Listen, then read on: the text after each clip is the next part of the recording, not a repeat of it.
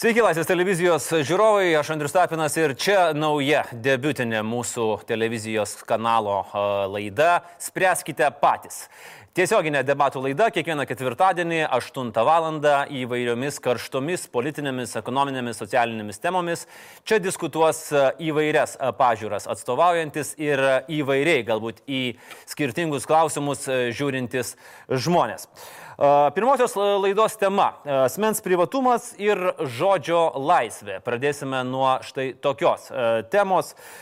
Trys dalys bus laidoje, tai yra Skirmanto Malinausko ir Arūno Pukelio konflikto analizė, kuri jau yra persikėlęs į teismus.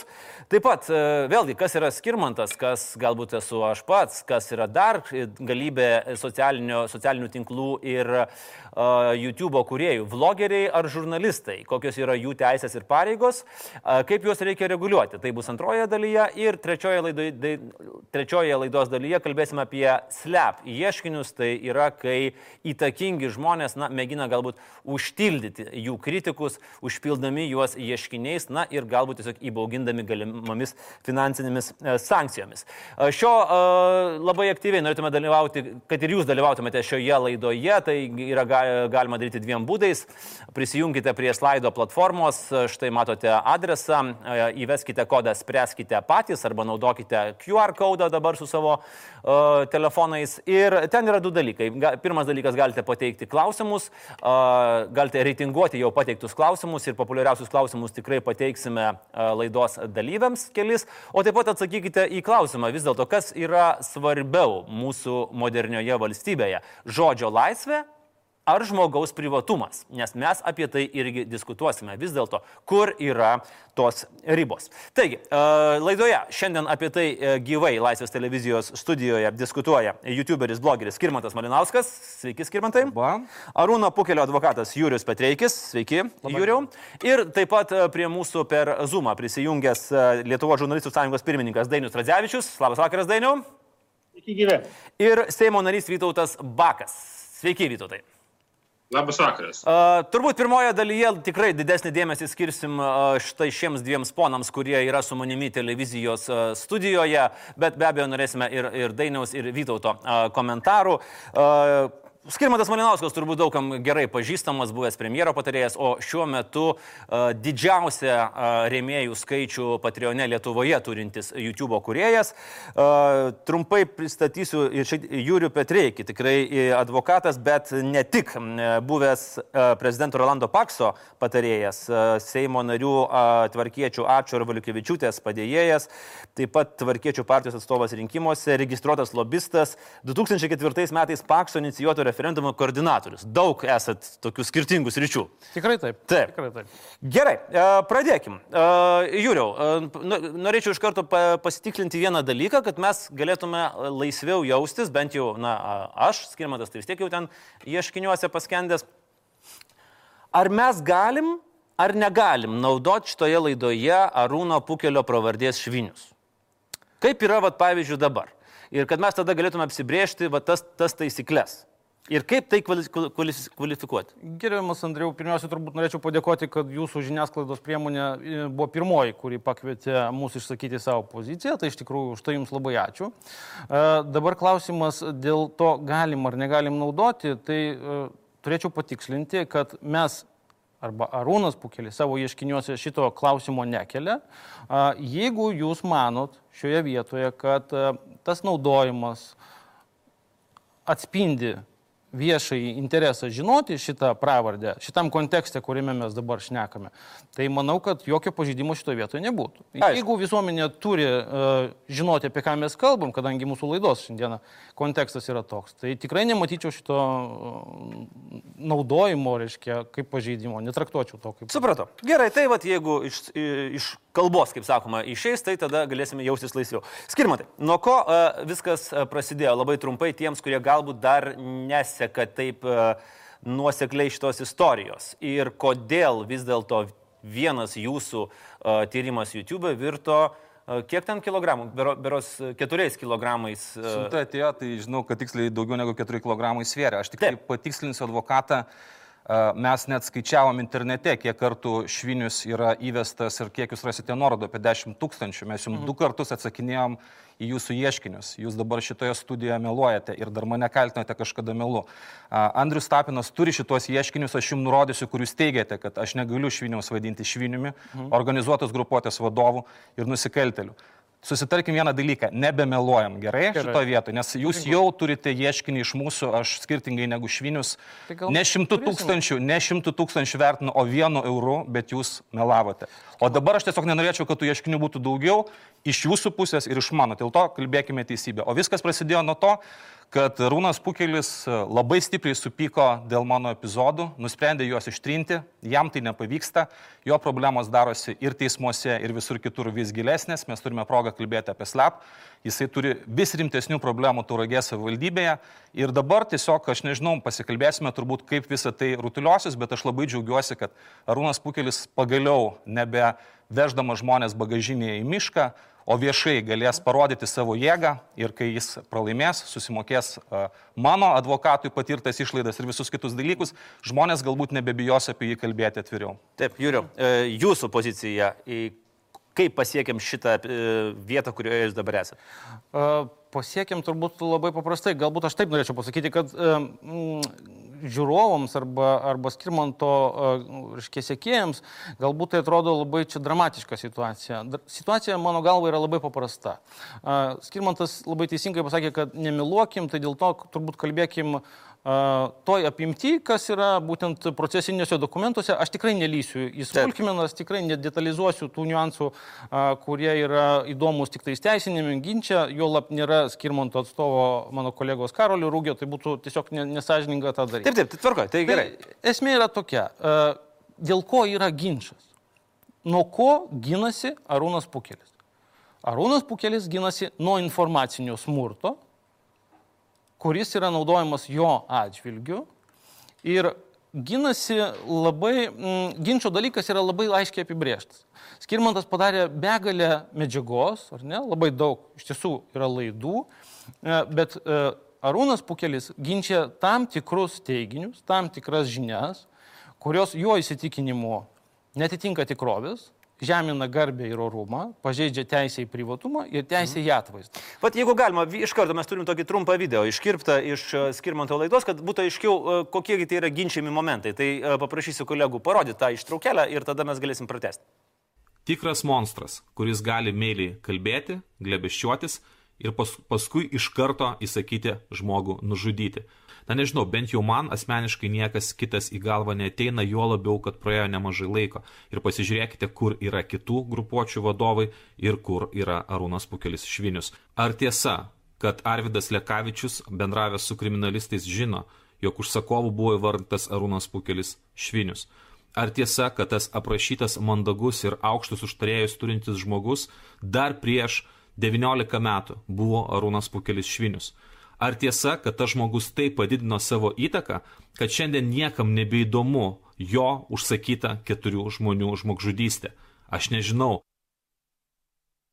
Ne šiaip mes pasirinkome šias, šias ištraukas, jos yra esminė turbūt ieškinio e, dalis. E, Jūrio, pakomentuokit ir tada paprašysiu. Gerbiamas Andriu, tai aš kaip ir minėjau, kad būtų gerai, čia yra ginčio dalykas. Taip. Tai, kas yra pasakyta, tai yra ginčio dalykas. E, ir tuos klausimus gali spręsti tik tais teismas. Taip. Mes į teismą ateinam su pozicija, kad ginčio dalykas pažeidžia Rūno Pukelio teises, gerbiamas Kirmantas ateina, kad nepažeidžia.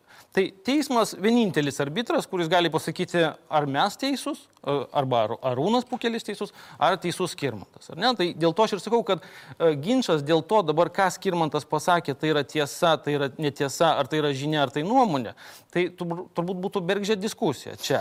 Šita diskusija bus teisme, nebejotinai. Skirmantas naudos savo argumentaciją, mes naudosim savo argumentaciją. Taip, tai teismas, aišku, yra paskutinė instancija Lietuvoje, bet Skirmantai, vėlgi, kaip paties kolega, kuris nemažą laiko, laiko irgi praleido labai atidžiai galvodamas, kaip savo laidose formuluoti vieną ar kitą teiginį ir, ir tikrai susidūriau ne su vienu noru taip pat, pat, patraukti mane į teismą. Kiek uh, tikras buvai tą akimirką, kai buvo įrašinėjami šitie video dalykai, savo teisumu, nes kai kur yra pateikiamas kaip klausimas, kuris Taip. yra tarsi skytas. Ar tiesa? Maždaug, čia- aš nežinau. Taip, ne? tai, tai čia reikia suprasti kontekstą ir pažiūrėti epizodą. Dėl šito epizodo, beje, čia yra antras jau ieškinys. Pirmojo ieškinių skundžiama daugiau epizodų. Čia jeigu būtų ponas Pukelis, mes jo ir paklaustume, ar buvo pokalbis su Lekavičium ir žurnalistu, kuris skambina jam derinti straipsnio detalės. Jūs to neskundžiate. Reiškia, aš prezimuoju, kad tai buvo. O jeigu nebuvo, jis turėjo tai skūsti. Aš paklausčiau, ar ponas Pukelis dabar bendrauja su pravieniškėse kalinčiu a, marafonu Robertu Baratinsku, kuris įvykdė keturių žmonių žmogžudystę, apie kurią aš kalbu. Jūs to neskundžiate mano teiginio, nors tai yra teiginys. Aš paklausiu ir teisme, jeigu jisai bus, aš jo paklausiu. Toliau mes pasiremsime kitais papildomais įrodymais, kad tai. Bet jūs to net neskundžiat.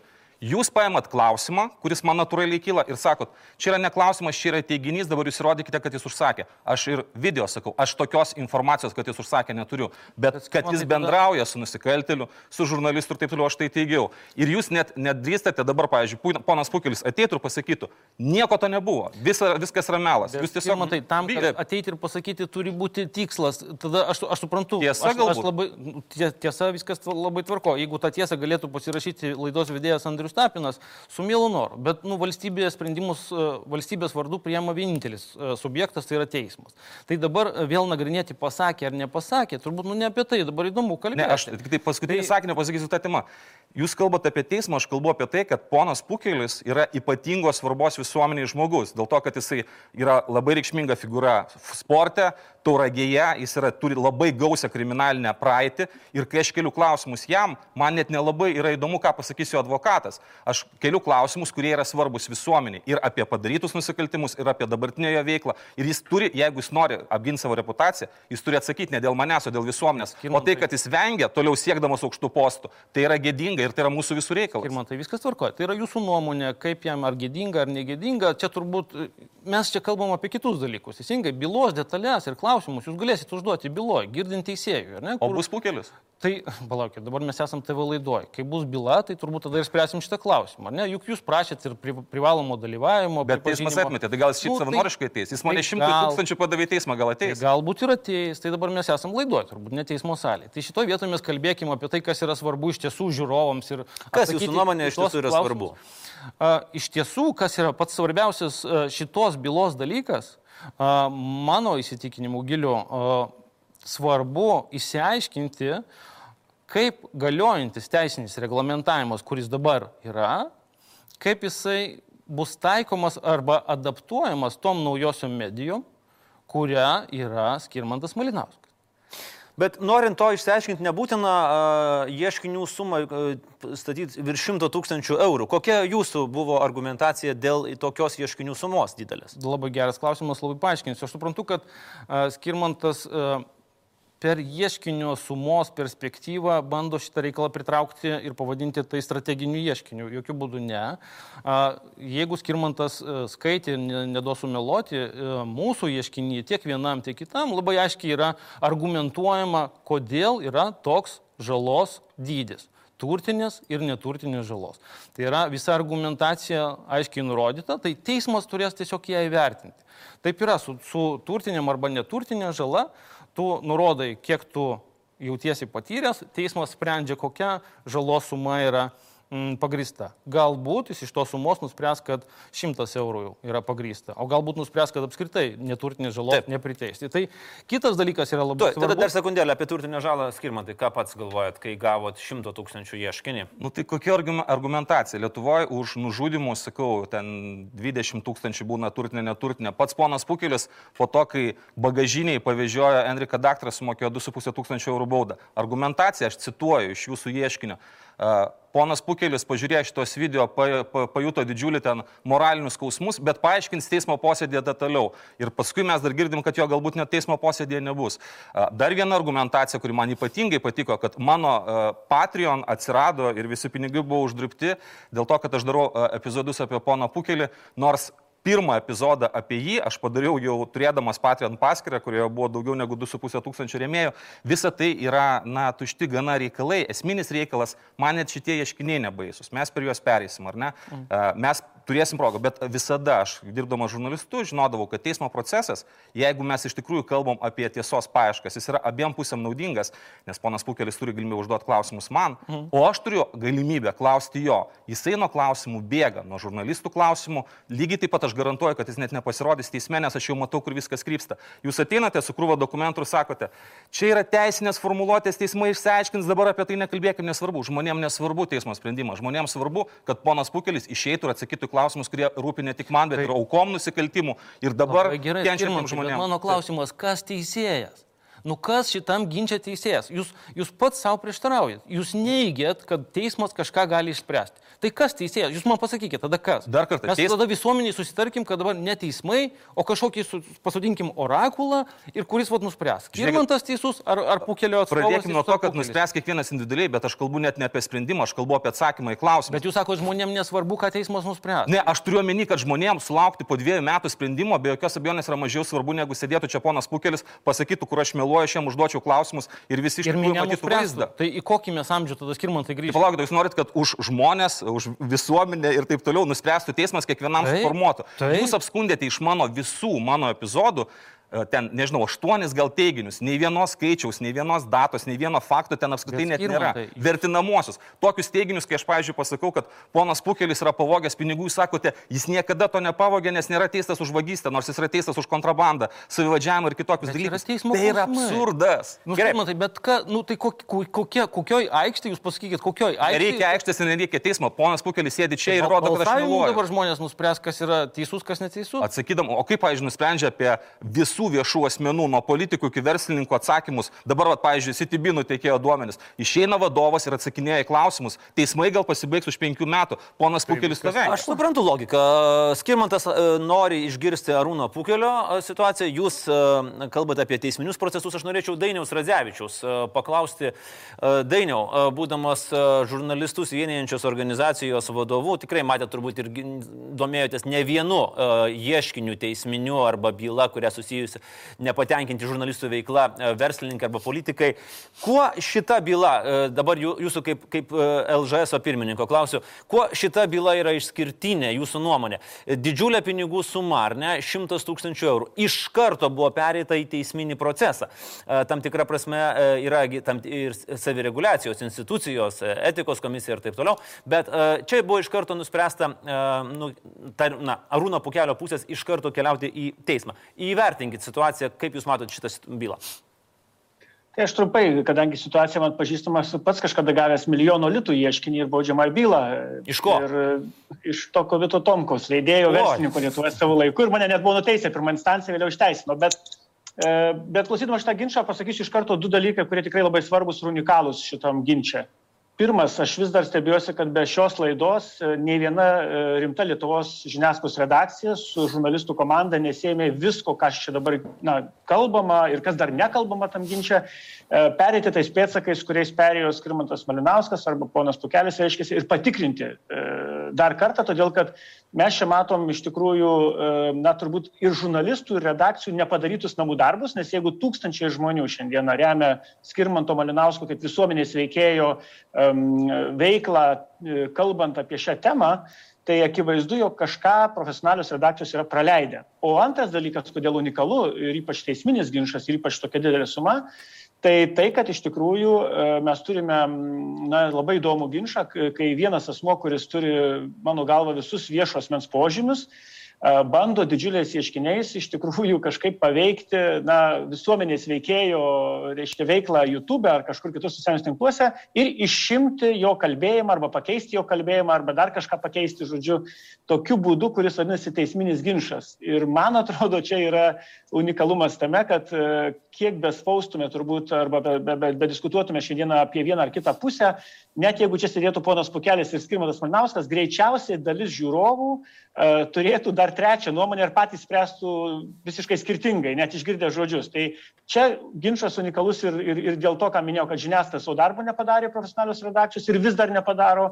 Ir antra, kad na, ginčas į tokį lygį persikėlė, kad man atrodo vienintelis, ko neturėtų čia būti, ir čia, manau, turbūt būtų šiaip atkreipimas dėmesio, tai yra e, finansinio to ieškinio, nes man nelabai suprantama, kodėl norima finansinio kažkokio, reiškia, ten, nežinau, dalyko, todėl kad jeigu iš tikrųjų rūpi tik reputacija, viešam asmeniui, Dažniausiai. E, manau, kad pinigų gali šis net neprašyti, nes na, teismų praktika Strasbūro ir Lietuvos aukščiausio teismo praktika kalba apie tai, kad viešam asmenys pakankama satisfakcija yra sprendimas, kuriuo pasakoma, e, reiškia, kaip iš tikrųjų yra. Tai, tai mano galva to pakaktų ir greičiausiai net ir šiandieną mūsų diskusijos nebūtų, jeigu nebūtų tų didelių finansinių ieškinių. Tai man klausimas čia yra vienintelis, mhm. kodėl tie ieškiniai būtent finansiniai čia atsirado. Tuoj paprašysiu gerbiamą Jūriaus pakomentuoti. Dar, e, Dainiau, tada galbūt dar vienas toksai momentas. Mm, o galbūt galbūt, tos minėjot, redakcijos, nes nenori labai veltis iš tos dalykus. Skirmantas pats irgi yra pasteb, tokį savo pastebėjimą išsakęs, kad, na, būtent tos sumos, kurios yra įvardymus, tai visi pagalvoja, blaiviai mąstantis žiniasklaidos priemonių redaktoriai, kad šiandien, ačiū Dievui, vlogeris gavo 100 k. Bet tai jeigu mes dabar čia pradėsim lysti, tai mes gal gausim ten net ne, ne, ne šimtą ką, mes gal gausim dar daugiau.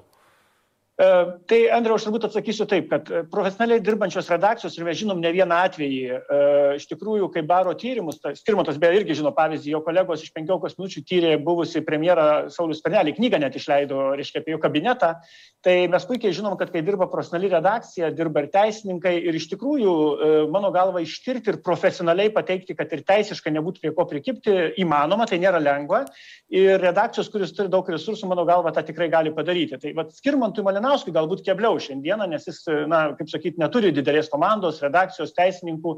Na, šiuo metu gal jau ir turi, bet bent jau anksčiau turbūt neturėjo. Teisininkai tikrai tai, turi. Tai, bet matot, jisai truputėlį kitų aspektų dabar dirba. Jis, mes supraskim, Skirmantas Malinauskas yra visuomenės veikėjas. Jis neturi už savęs profesionalios redakcijos, pavyzdžiui, vyriausio redaktoriaus, redaktorių, galbūt kolegų, kur visai kitaip dirba profesionalios redakcijos nuo youtuberių, vlogerių ar, reiškia, ar visuomenės veikėjų. Ir čia, čia man turim daryti tą takoskirą, nes visai, visai kitaip, reiškia, ir ta atsakomybė dėliojasi, nes mes supraskim, kad kai yra profesionali redakcija, tai yra, sako redakcija, net ne žurnalistas. Dainiau, aš e, tada sakyčiau, kad perkelsim šitą, šitą diskusijos e, subtemą į šiek tiek vėlesnį laiką, nes būtent apie tą takoskirą mes labai netrukus ir kalbėsim. Grįžkime prie, e, prie ieškinių. Jūriau.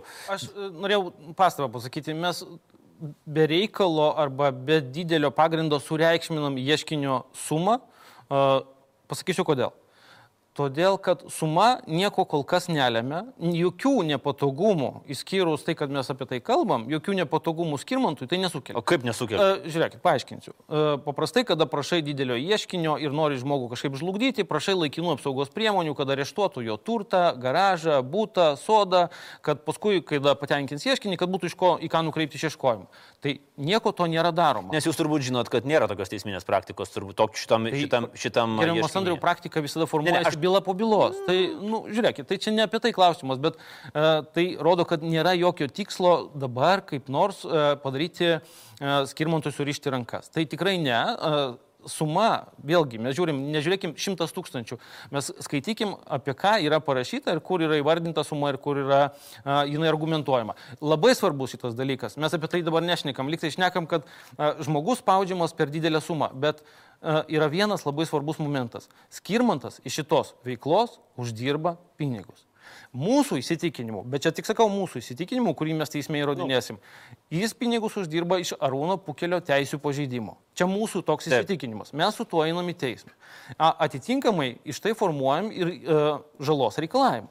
Nes jeigu žmogus uždirba iš teisų pažeidimo, visi turbūt žinom, ar ne, kad iš neteisės teisė negimsta ir niekas negali turėti finansinės naudos pažeidinėdamas kito teises. Tai dėl to tokia suma. Supratau. Ir paskutinis, ir paskutinis vienas momentas, ką, ką labai... E, ką, ką, ką ir Dainius minėjo, nėra jokio tikslo užčiaupti skirmanto, neleisti jam kalbėti.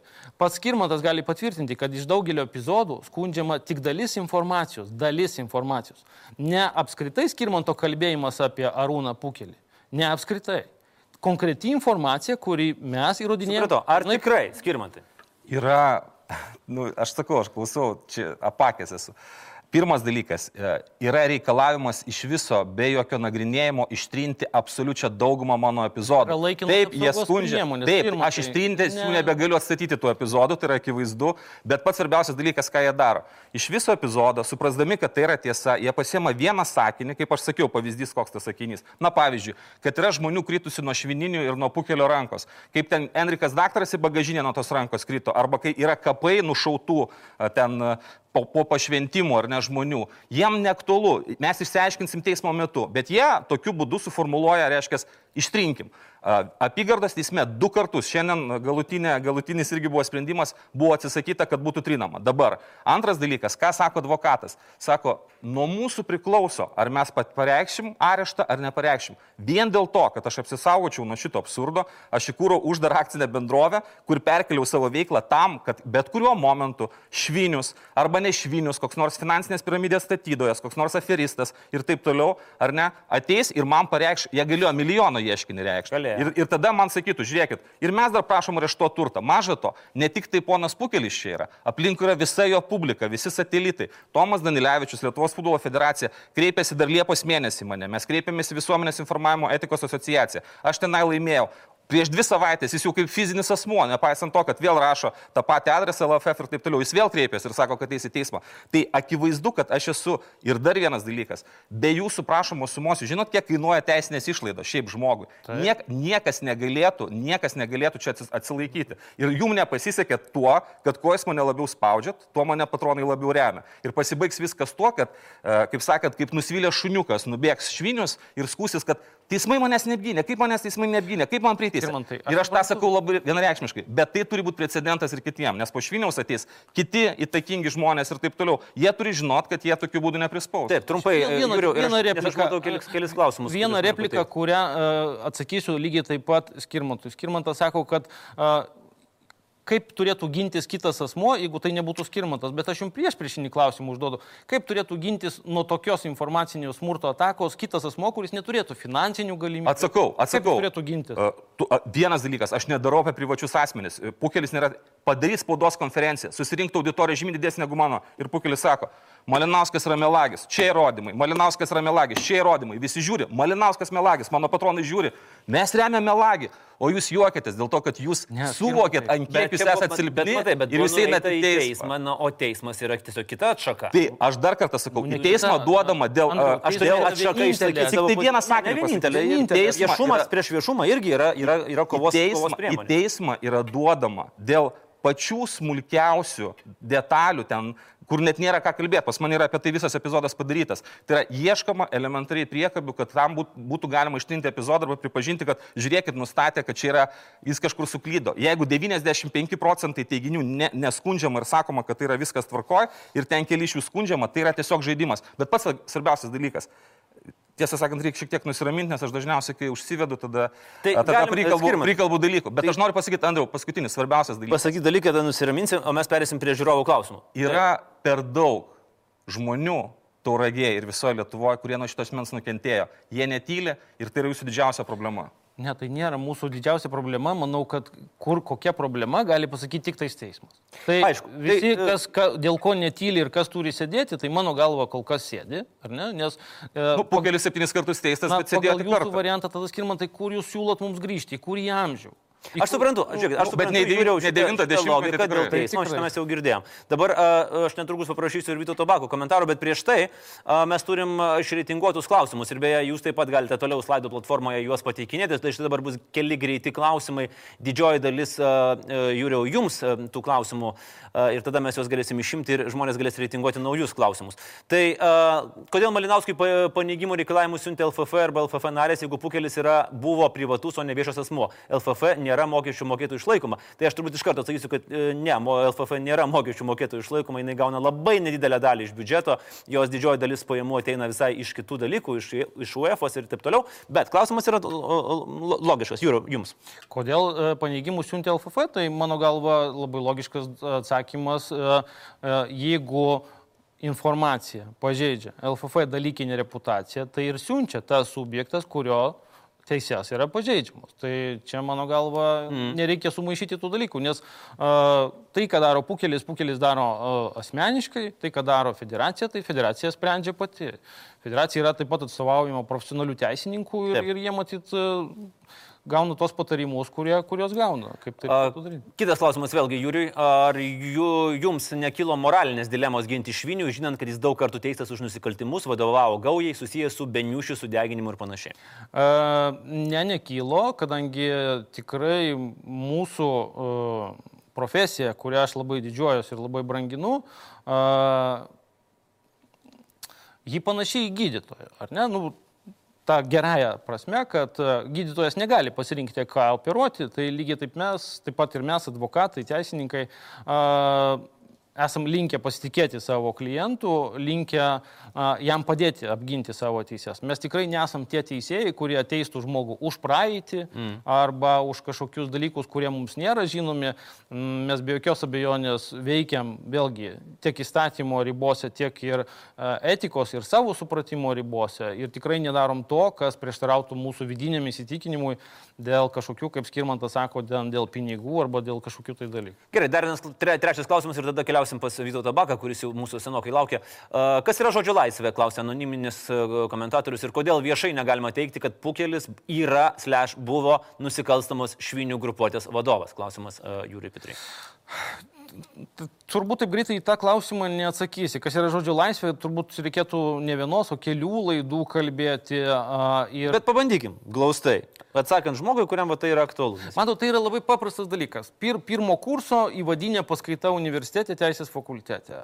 Kur, kur prasideda ir kur baigėsi tavo teisės.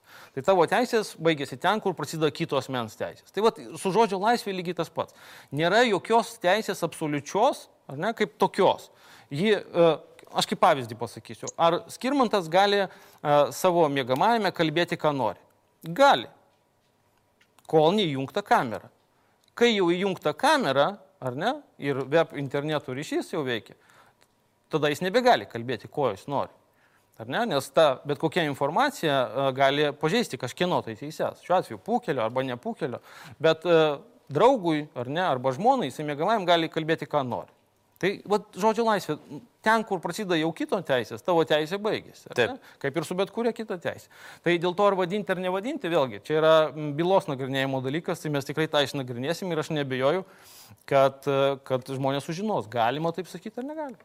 E, norėčiau e, Vytauto Bako e, pasiklausti, kuris taip pat yra su mumis Seimo narys, teisininkas. Vytautai, Kaip e, jūs gal vertinat ir tai, ką išgirdot e, šiandien šioje byloje ir turbūt apskritai tą rezonansą, kurį sukėlė Skirmanto Malinausko ir Arūno Pukelio konfliktas? E, matot, aš šį procesą, vat, šitą pirmąją pokalbio dalį, jeigu mes dar esam joje, matau šiek tiek kitaip.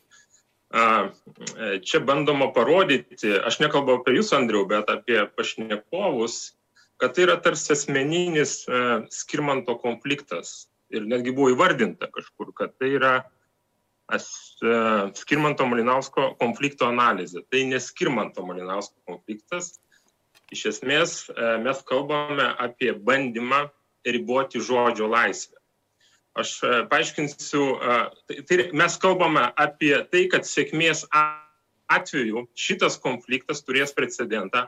Ar mes toliau galėsime kalbėti ir žurnalistai, blogeriai, galės informuoti visuomenę apie asmenis, kurių e, sprendimai lemia daugybę žmonių gyvenimus. Ką aš turiu mintyje? Pavyzdžiui, pono Pukelio atveju iš tiesų e, šitas žmogus bandė užimti aukščiausius postus sporto pasaulyje. O tai jau yra viešasis interesas. Tai susijęs su valstybės reputacija, tai susiję su e, mūsų vaikų tūkstančių ūkdymų futbolo klubuose įvairiausiose rajonuose, nusutikit, ar pavyzdžiui, tėvai a, norėtų, kad jų vaikus tugdytų ir vertybės dėktų žmonės, kurie praeitie turėjo labai rimtų problemų, darydami tyčinius nusikaltimus nuo savybė. Matyt, ne. Ir valstybė to nenorėtų. Todėl štai, ką darė Skirmantas, iš, mes, iš esmės sukėlė e, Seime politinę diskusiją. E, ir, tiks, ir vienas iš sprendimų buvo priimta rezoliucija dėl situacijos Lietuvos sporte. Tai ką aš noriu pasakyti, kad iš tiesų, žinot, praėjo kartos, tarkim, 30 mečių karta neprisimena 90-ųjų, 2000-ųjų laikų, bet tai nereiškia, kad mes neturim teisės žinoti apie politiką, sporto funkcionierių, apskritai viešą asmenį, kuris remia mūsų gyvenimus, jo reputacijos, jo praeities ir tai nereiškia, kad mes negalim užduoti klausimus. Todėl aš tai vertinčiau šiek tiek rimčiau šitą procesą ir čia advokatas, manau, bando sumenkinti ir uždaryti iki tokio dviejų fizinių asmenų proceso, prilyginti, na, komentarui Facebook'e apie vieną kaimyno, reiškia, apie kitą kaimyną. Na, taip nėra.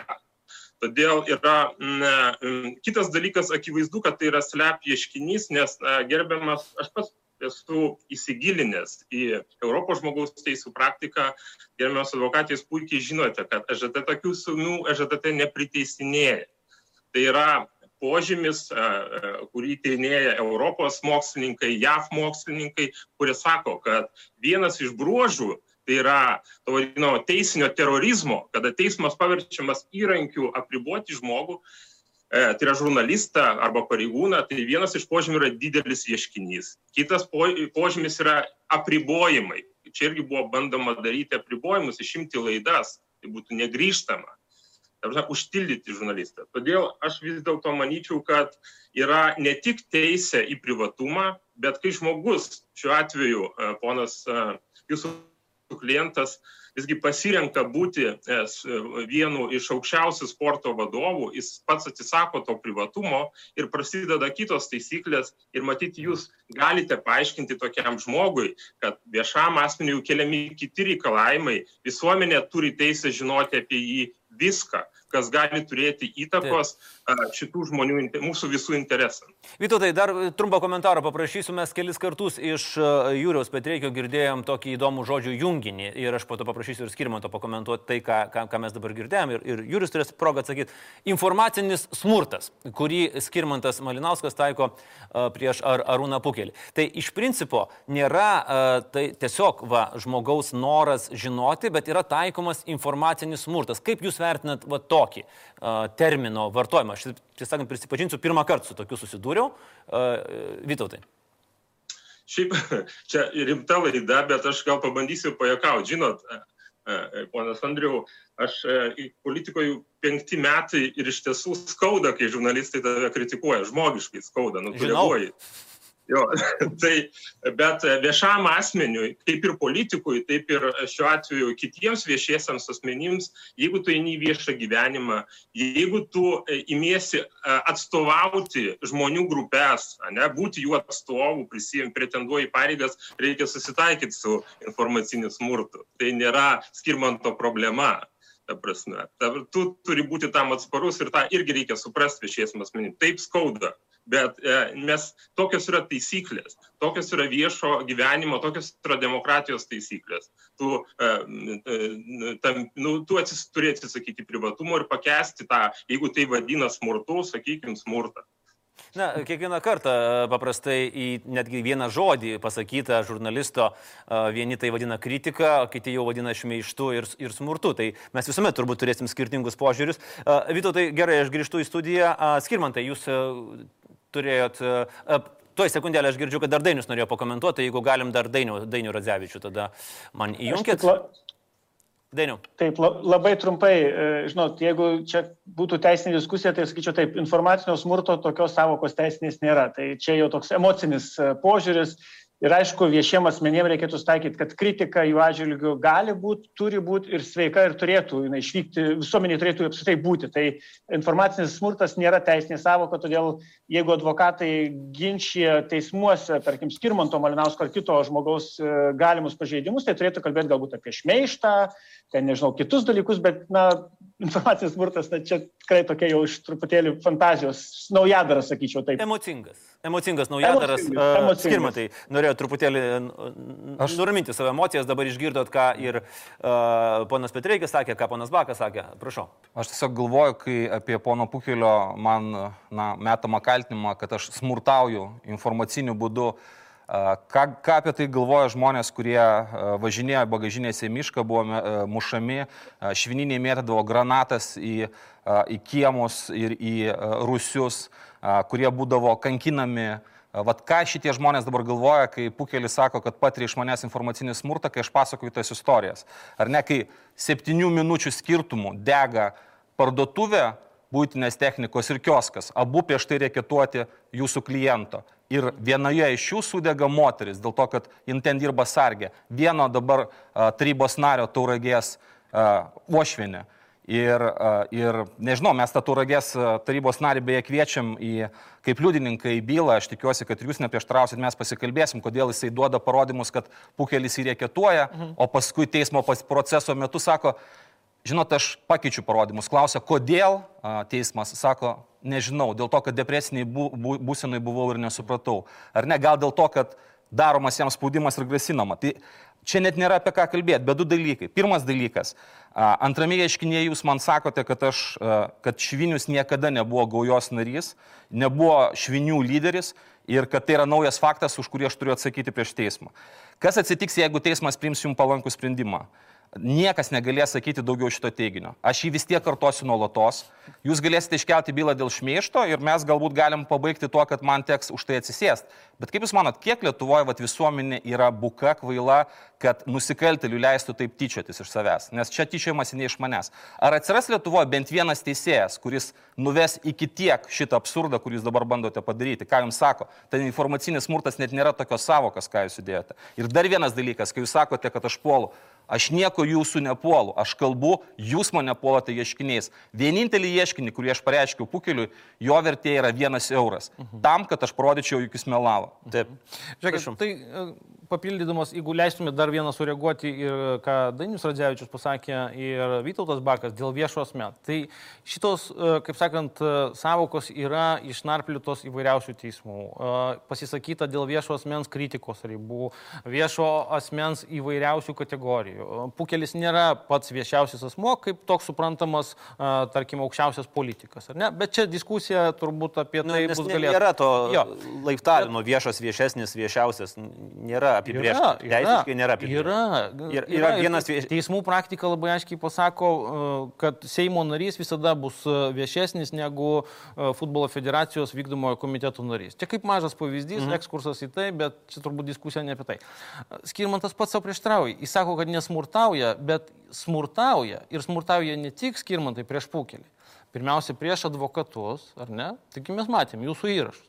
Jūs užsipuolėte. Galima pasakyti pavyzdį konkretų, ką apie ką kalbate? Pasakysiu, taigi pas jūs, jūs pasižiūrėkite. Jūs pasakykit geriau, o dabar va. Jūs savo įrašus pasižiūrėkit. Jūs Aš pažiūrėsiu pavyzdį, pasakykite. Jūs taigi pradėjote sakyti, kaip, gali, kaip drįsta tokie advokatai apskritai ginti pukelį, jie turbūt prasiduoda už didelius pinigus. Pasiskaitykit komentarus. Tai yra, jūs ką tik girdėjote antro ieškinio pagrindą, nes aš to niekada nesakiau. Tai yra, jūs dabar o, išgalvojate, ką aš sakau. Tai yra melas. Jūs dabar va, šitam tiesioginiam eterį pas Andrių Tapiną mane kaltinat. Aš šiaip gyvenime žmogaus niekada neduočiau į teismą už tai, kad jis galbūt yra kvailas ir nesupranta, ką kalba. Tai bet... bet dabar jūs kaip advokatas oficialiai sakote tai, ko aš niekada nesakiau. Aš niekada nesakiau, aš nežinau, kiek jų moka, gal jūs pro boną dirbat. Ką jūs dabar va čia pezat? Pažiūrėkit savo uh, paskyroj ir savo komentarus. Aš niekada nekalbėjau apie jokius savo, pinigus, jūs dabar pats išgalvojate. Tai, ką, tai, ką, tai užtekėjo komentarus neatsako paskyros savininkas. Ne, bet paskyros savininkas juos labai sėkmingai kursto ir pasiekėjai jo ateina pas mane ant sienos ir paaišo kakučius tokius. Nu, Ai, man, atrodo, nei šilta, nei šalta. Ne, skirmantai, nelabai nu, skirmantas gali atsakyti. Uh, aš suprantu, aš jo ir nekaltinu, taigi aš tik sakau. Tai ką tik apkaltinau. Skirmantas, jūs, aš jums dar kartą sakau, jūs, jūs uh, smurtaujat uh, informaciškai ne tik prieš paukelį, prieš teismus. Dabar jūs sakot, koks be būtų sprendimas, aš jo nevykdysiu. Aš taip nesakiau, jūs pasižiūrėkit ne, įrašą, kada aš jūs taip sakot. Jūs čia ką tik išgalvojote vėl. Jūs sakot, netgi jeigu jums priims palankų sprendimą, aš vis tiek kalbėsiu tą, ką kalbėsiu, nes žmonės nori girdėti tiesą. Tai jūs tą sakot. Pats. Ta prasme, aš įvykdysiu teismo sprendimą, koks jisai bus, bet bet kuriuo atveju aš aišku kalbėsiu tiesą. Va, nu, tai, ta prasme, tai mes neigiam teismus, neigiam antstolius. O ką jūs man dabar bandot pasakyti, ar tai yra teismo sprendimo nevykdymas, jeigu aš sakau, kad aš atskleidžiu visą struktūrą nusikalstamos organizacijos su vardais, pavardėmis ir taip toliau. Ir aš negaliu už tai savo negaliu tos nuomonės sakyti būtų teismas, jeigu jisai jums bus nepalankus, jūs jo nevykdysite. Aš taip nepasakiau. Jūs sakėt, aš galiu atsėdėti, galiu gauti. Aš kalbu, kad teiginys, jog Arūnas Pukelis Švinius yra nusikalstamos, buvo nusikalstamos grupuotės narys ir lyderis, tai yra tiesa Ir aš, sakau, aš esu, nesu, esu tikras, kad mes laimėsim. Bet jūs matote, kas... jeigu vat- teismas Aš pasakysiu pasakys, kad kitaip. Šitoj nes studijoj aš matau, vyksta, kadangi... Andriau, paskutinį, jeigu Ne, aš tiesiog patikslinsiu labai paprastą dalyką. Aš taip, skirmantai, jeigu aš teisingai suprantu. Skirmantas nori pasakyti, kad koks be būtų teismo sprendimas, jis jo nuomonės nepakeis. Ir ta nuomonė bus toliau viešai išsakoma. Aš tiesiog bandau pasakyti paprastą dalyką, ar ne? Vat jūs matote, kai aš pasakau vieną paprastą teiginį, kas yra tiesa, Mhm. kad jūsų klientas yra e, nusikaltelis, kuris nekarta teistas, jisai Mhm. buvo švinių organizuotos nusikalstamos grupės lyderis ir jisai dabar nuo to bėga, nes yra bailys. Tie patys nusikalteliai, su kuriais jis darė nusikaltimus, ne tik, kad jo negerbė, jie man dabar pasako, ką jisai darė. Ir tai visą tai išlys. Aš pasakiau tai labai aiškiai ir tiesiai. Jūs toliau vartot kažkokius klėdėsius, kad aš kalbu apie jūsų honorarus, ko aš nedariau, kad aš nevykdysiu teismo sprendimo, kurio aš teismo sprendimo neįvykdžiu, kurį jūs teismo sprendimą dar turite iš viso, Jo, jūs neįvykdėte uh, antstolio reikalavimo. kuris kur- panaikintas šiandien kaip neteisėtas. Va, beje, kaip tik Panaikintas šiandien yra šiandien- teismo sprendimas. Jo, ne, e, panaikinta šiandien, bet kai antstolis atėjo, teismo sprendimas buvo galiojantis. Tai reiškia, kad jisai buvo neteisėtas, šiandien aš laimėjau Jis šitą tada bylą. nebuvo neteisėtas. Dar kartą. Nu jis tada nebuvo neteisėtas. Bet kai atėjo šiandien Vilniaus teismo apygardos sprendimas. teismas pasisakė, kad Tai šiandien, tai nu, šiandien. Bet o kaip buvo tada? Tai mes iš karto akivaizdžiai Tai matėme. palaukit, jeigu žiūrėkit, aš paaiškinsiu truputėlį situaciją. teismų- Buvo gautas nurodymas skirmantui Ištrinti ant- su epizodą. antstoliu ištrinti visus video apie pukelį. Vieną epizodą. Nu, tarkim, tą epizodą. Antstolis tik vykdo tai, ką Taip, nustato teismas. Tai skirmantas antstolio veiklą apskundė teismą. Taip, Tai apygardos. kur čia yra problema? Ir teismas šiandien nustatė, kad nereikia trinti. Tai, Tai- jūs norite pasakyti, kad jis turėjo ištrinti Ne ir tada... veiklą aiškinti. apskundė, jisai skundė patį tą teismo sprendimą, bet kol skundas buvo nagrinėjimas, jis turėjo jį vykdyti. Tai jeigu aš būčiau ištrinęs, aš jau jo atstatęs nebūčiau, dabar jis būtų ištrintas. Skirmantai, jūs žiūrėkit, jūs nekat, aš jums tada pavyzdį duosiu, gerai? Tokį pat analogišką. Aš paimu jūsų nuogo nuotrauką, taip? Jonažolių gatvėje ant iki pakabinu, jūs akivaizdžiai matot, kad aš pažeidžiu jūsų teises, ar ne? Jūs einate į teismą, sakot, žiūrėkit, e, mes dabar dėl to su Petreikiu ginčysimės ir prašau, kol mes ginčysimės, nuimkite šitą nuotrauką. Nes kabo kiekvieną dieną vaikai eina teplioja, reiškia, mėto sniego kamuoliukų. Ar ne? Ir tai jūs norėtumėt, kad būtų nuimta nuotrauka, kol mes įsiaiškinsim tą ginčą. A, Jūs matote analogiją vadinti Taip. švinimi su blogo žmogaus nuotrauka. Skirmant. E, Žiūrėk, ta prasme, nu, mes mes sutarkim- Jų, man atrodo, sutarkim- tikrai su pasaulėvo, kas sudėtinga. Ne, man Pasaulėjo labai, tai taip, bet tai teisiškai tai Aš dar turbūt nėra skirtumo. Nėra skirtumo. Žiūrėkit, mes dabar ką- skirmantai nesiginčykim Ne. dėl informacijos kvalifikavimo. Ta nuspręs. Aš galvoju, kad jinai neteisėta, jūs kad teisėta. Čia mes sutarėm. Tai teisingai. Tai bet kol arbitras, kuris priims sprendimą Lietuvos Respublikos vardu, pasakys, skirmantas teisus, valio, paplojam. Tai Arba padarė. pasakys, kad e, Petreikio argumentai yra stipresni. Tai galima šitos dalykus, kurie yra ginčytini. Nu, jums atrodo vienaip, man kitaip. Taip. Teismas neaišku, kaip nuspręs. Laikinai juos pašalinti. O kaip su to plakatu? Taip, tai va čia yra vienas Skirmantai, ir dabar- Žmogus, kuris kalba, jisai lygina YouTube video ar ne su plakatu ant sienos. Jisai sako, pašalink laikinai pusę milijono turintį video, o paskui vėl iš naujo sudėsi. Aš dar kartą pasakiau, mes matėm akivaizdžiai, kad sprendimas yra neteisėtas. Mes ansoriui pasakėm, mes įvykdysim kitus sprendimus dėl baudų. Mums yra lengviau sumokėti baudas, negu nusileisti šviniui. Ir mes buvom teisūs. Šiandien Vilniaus apygardos teismas antrą kartą patvirtino mūsų nuomonę, kad jūs piknaudžiaujate teise, reikalaudamas ištrinti kaip laikinasias apsaugos priemonės epizodus. Teismo sprendimas jums buvo nepalankus. Aš suprantu, kad jums kaip advokatų labai liūdna, kad jūs nesugebat įgyvendinti savo kliento norą užgneušti laisvą žodį, ištrinti mano epizodus. Aš suprantu, bet aš labai džiaugiuosi. Teoriškai, dabar aš truputėlį pabandysiu irgi pasakyti, aš nežinau, kodėl Jonažolių gatvėje, būtent Jonažolių iki reikia kabinti skirmanto nuotrauką, bet teoriškai, padarius YouTube video unlisted, tai yra tas pats, kas nuimti trumpam nuogo skirmanto nuotrauką. Bet aš buvau įpareigotas ištrinti. O jeigu aš pasakyčiau, kad aš negaliu nuimti, nes aš neturiu šiandieną kopiečių. Bet jūs mane įpareigojate ištrinti, o ne padaryti listą. Tai koks skirtumas? Tai aš vis Ta- tiek būčiau nevykdęs antstolio sprendimo padaryti ant Irmantai, listą. visame kame yra proto kriterijus. Tai, Teisingai? bet jūs tai ir sakot, jūs, man, jūs žiūrėkit, proto kriterijus. Žmogus ateis, ateina į teismą ir sako, prašau ištrinti 10 epizodų dėl to, kad aš manau, jog jie pažydžia mano garbį ir orumą. Aš sakau, išsiaiškinkim, nagrinėkim. Nagrinėti nereikia. Laikinos apsaugos priemonės. Kur Laikinai čia protas? pašalinti. Žiūrėkit, bet grįžtam. Gerai, bet mes grįžtam- dabar jau labai jau labai, labai, labai svarbus dalykas. Bet trumpai, nes aš noriu keliauti prie... Skirmantas sakė, e, finišo. šį kartą nemeluokim, bet vėl dvi minutės atgal pamelavo apie e, šiandieninę apygardos teismo nutartį, kurioje pasakyta, vieną sakinį pacituosiu. Pacituokit. Atsakovas atskiravimo skundė nepagristai teigia, kad ieškovas, teikdamas pareiškimą dėl laikino apsaugos priemonių taikymų iki ieškinio, piknaudžiauja savo procesinėmis teisėmis. Ką tik jūs melavot, skirmantai, sakydamas, kad teismas pasakė, kad mes piknaudžiavome. Ne, aš tai sakau, kad jūs piknaudžiaujat. Teismas pasakė, kad nepiknaudžia. Nu tai dabar Tai, skirman. žiūrėkit, paprastas dalykas. Jeigu jūs, vėlgi vienas sakinys, kur bus sukurs, sukurtas bus precedentas. Jeigu jums nepatik šitą laidą, jūs nuspręsit, kad aš pasakiau kažką arba Andrius arba bet kas kitas pasakė jums nepatinkantį dalyką, jums net nereikia nieko įrodinėti. Jūs nueinate į teismą ir sakote, kaip laikinasias apsaugos priemonės, prašom pašalinti šitą laidą. Po dviejų metų, kai pasibaigs ginčas ir galbūt jūs pralaimėsite, tada mes ją galėsim atstatyti. Tai yra absoliutus slep, tai yra absoliutus laisvo žodžio ir bet kas tą gali padaryti. Korumpuotas valdininkas, politikas ir taip toliau. Jam nepatiko žurnalistinis tyrimas, jis eina ir sako, aiškinsimės du metus, bet jūs dabar ištrinkite. Tai yra absurdas. Ir galų galę teismai parodė, kad jūs negalite to prašyti ir tas precedentas galios kitiems. Gerai. Žiūrėkit, ne visai, Gerai. ne visai sutinku. Bet mes jau einam labai giliai. Taip, e, tai yra mano gyvenimas dabar pastaruoju metu. Gilus pusę metų. gyvenimas. Dar vat Jonažulių gatvėje pasirodo dar ir plakatas gali būti e, pagabintas. Gali, antikyra labai didelė siena galėtų ten kaboti plakatą. Gerai, e, byla bus pradėta byla- balandžio 15 dieną. Ko, kokie dabar yra situacija, skirmantai? Po apygardos teismo sprendimo yra dar pusantro mėnesio iki bylos ir yra jūsų kontraieškinys Arūnai Pukeliui. Jūsų tas toksai mm, veiklos planas, koks yra ir to paties e, pono. Mes pamatėm vieną paprastą dalyką, ar ne? Iš tikrųjų, kad mes visą laiką gynėmės, Pukelis mane vadino viešai psichikos ligonių, korumpuotų ir taip toliau, visi įrašai yra. Ir mes galvom, galbūt reikia kontraieškinį teikti, bet mes galvom, mes nedarysim taip kaip jis, ar ne, nenusileisim iki tokio lygio.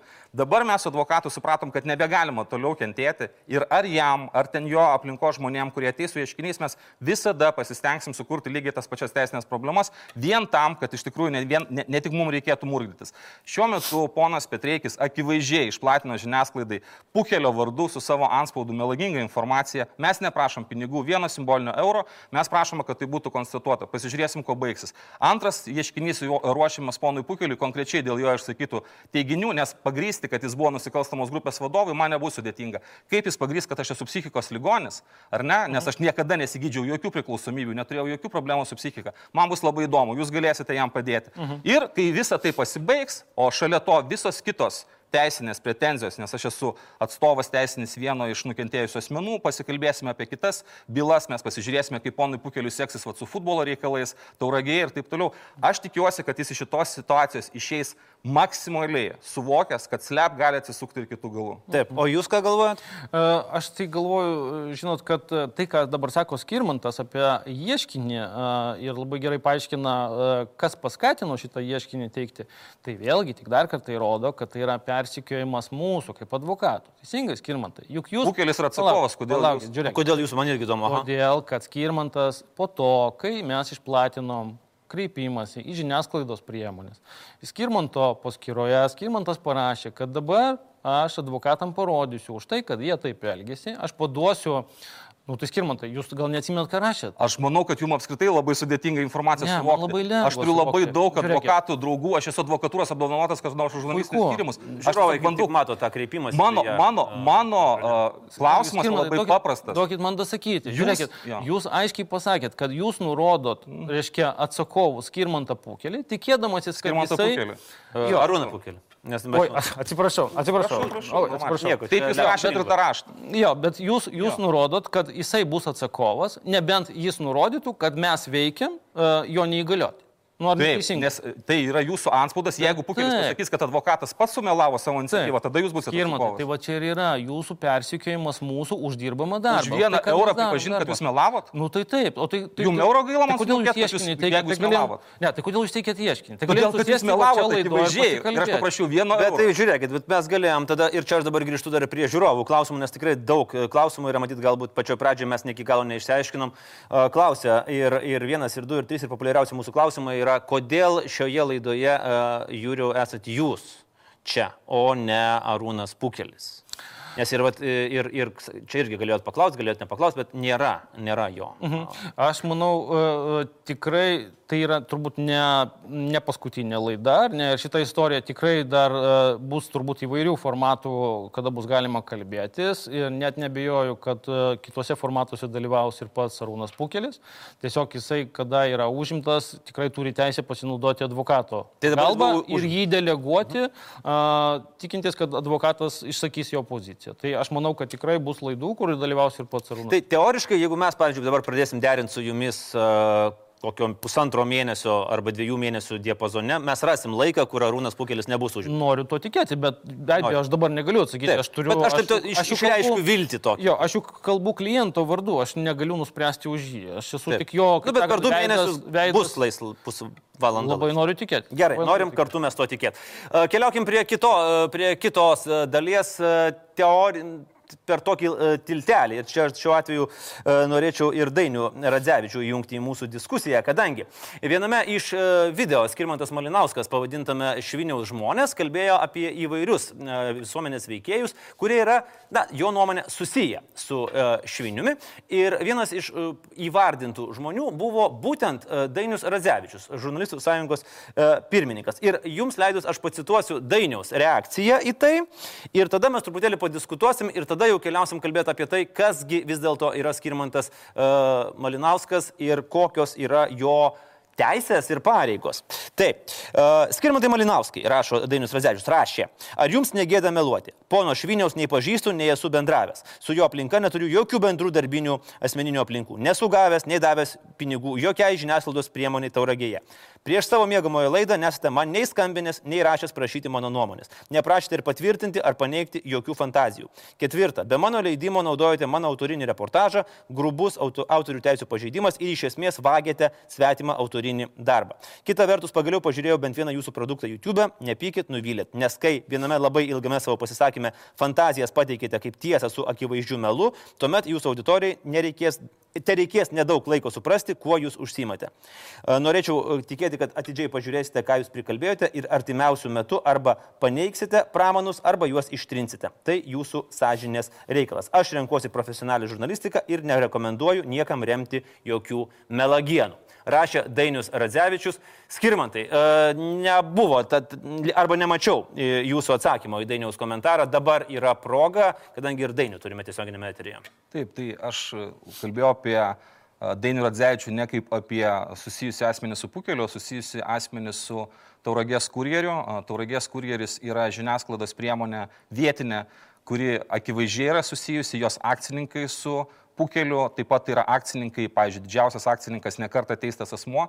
Ir šio, šitoje vietoje mes jau aiškinamės vėlgi teisiniais būdais su Renaldu Malachu, jis man yra atsiuntęs pretenziją, praėjo nežinau kiek laiko, įvyksta, vėlgi, kad prieš istoriją labai trumpai paaiškinti, įvyksta rinkimai Seimo, antras turas, dalyvauja Darius Petrošius ir ponas Vaitkus nuo liberalų a, ir įvyksta provokacija, tai yra Tauragės kurjeris iš, a, pirmame puslapyje išspausdina Pukelio interviu, jūs žinote, kaip Pukeliu sudėtinga prisikviesti interviu, va jūs bando du mėnesius neišeina. Ne, aš bandysiu. O tenai, o tenai, bet jau yra žmonių, kurie bando nuo pat pradžios mūsų konflikto, nepavyksta, bet jis vis pažada, kad pavyks.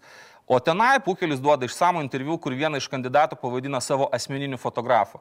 Ir aš pasakau, kad tai yra, na, tai yra žemo, aš pats kreipiausi, tas laikraštis buvo paskui dalinamas, ten pašto dėžutės mėtomas, aš pats kreipiausi vyriausią rinkimų komisiją, į visuomenės informavimo etikos asociaciją, tą patį padarė ir, kiek žinau, pats Seimo narys dabar išrinktas, nes laimėjo vis dėlto prieš poną Petrošių.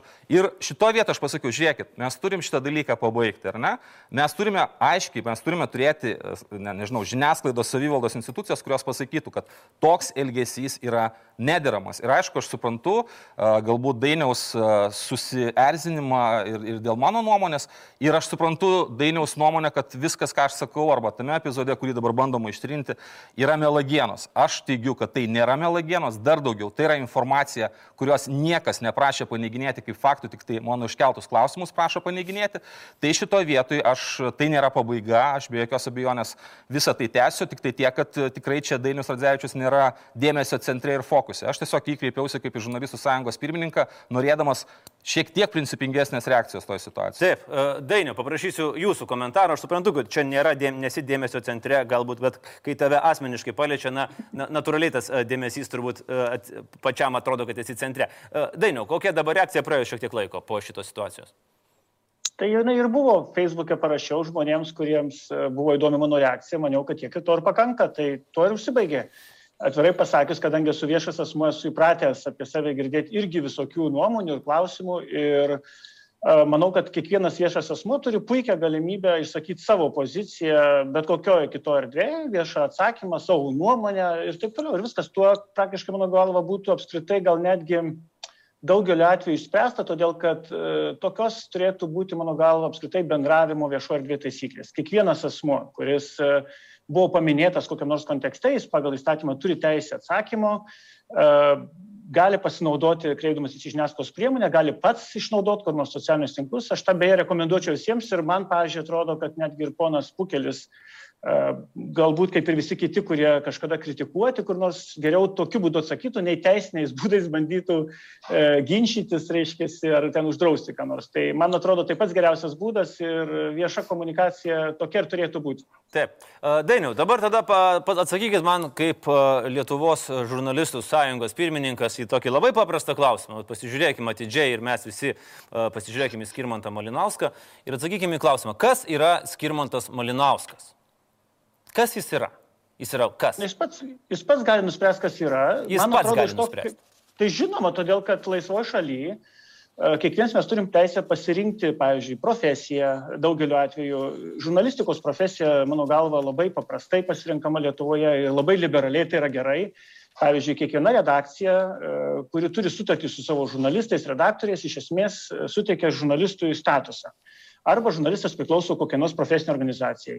Bet Lietuvoje kiekvienas žmogus turi teisę būti, mano galva, ypač saviraiškos rytyje, ko nori. Dailininkų, rašytojų, poetų, e, youtuberių, vlogerių ir blogerių, pavyzdžiui. Tai man atrodo, čia yra labai gerai, kad kiekvienas pats turi teisę nuspręsti ir tik nuo to, aišku, priklauso kai kurie mm, niuansai, nes yra privalumų, mano galva, yra minusų būnant žurnalistų, pavyzdžiui, arba būnant visuomenės veikėjų, arba youtuberių, arba aktyvistų, arba blogerių, todėl kad žurnalistai turi viena vertus daugiau teisių lyg ir gauti informaciją greičiau iš valdžios įstaigų, informacijos šaltinių apsauga, bet mes puikiai žinom, kad žurnalistai turi žymiai daugiau ir pareigų, ir etikos kodekso laikytis bendro ir taip toliau. Tai e, čia jau turbūt kiekvienas e, iš mūsų turėtų apskritai gyvenime nusispręsti, ar jis dirba žurnalistiniais metodais ar kokiais nors kitais. Ir... O Dainio, o galima vieną dieną dirbti žurnalistiniais metodais, o kitą ne?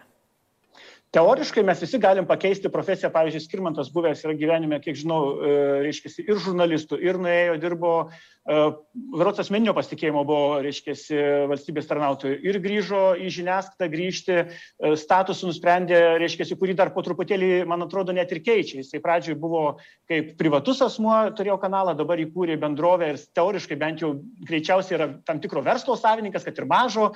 E, tai aš manau, kad tai yra teisinga, kad žmogus gali keisti statusą priklausomai nuo situacijos ir, ir tai yra logiškas, svarbiausias tik tai vienintelis niuansas, kad žiniasklaidos srityje, jeigu žmogus dirbi, kad tu tą deklaruotum ir viskas, visiems viskas aišku, ar tu esi tokiu statusu ar kitokiu statusu. Mano galva, čia nėra problemos.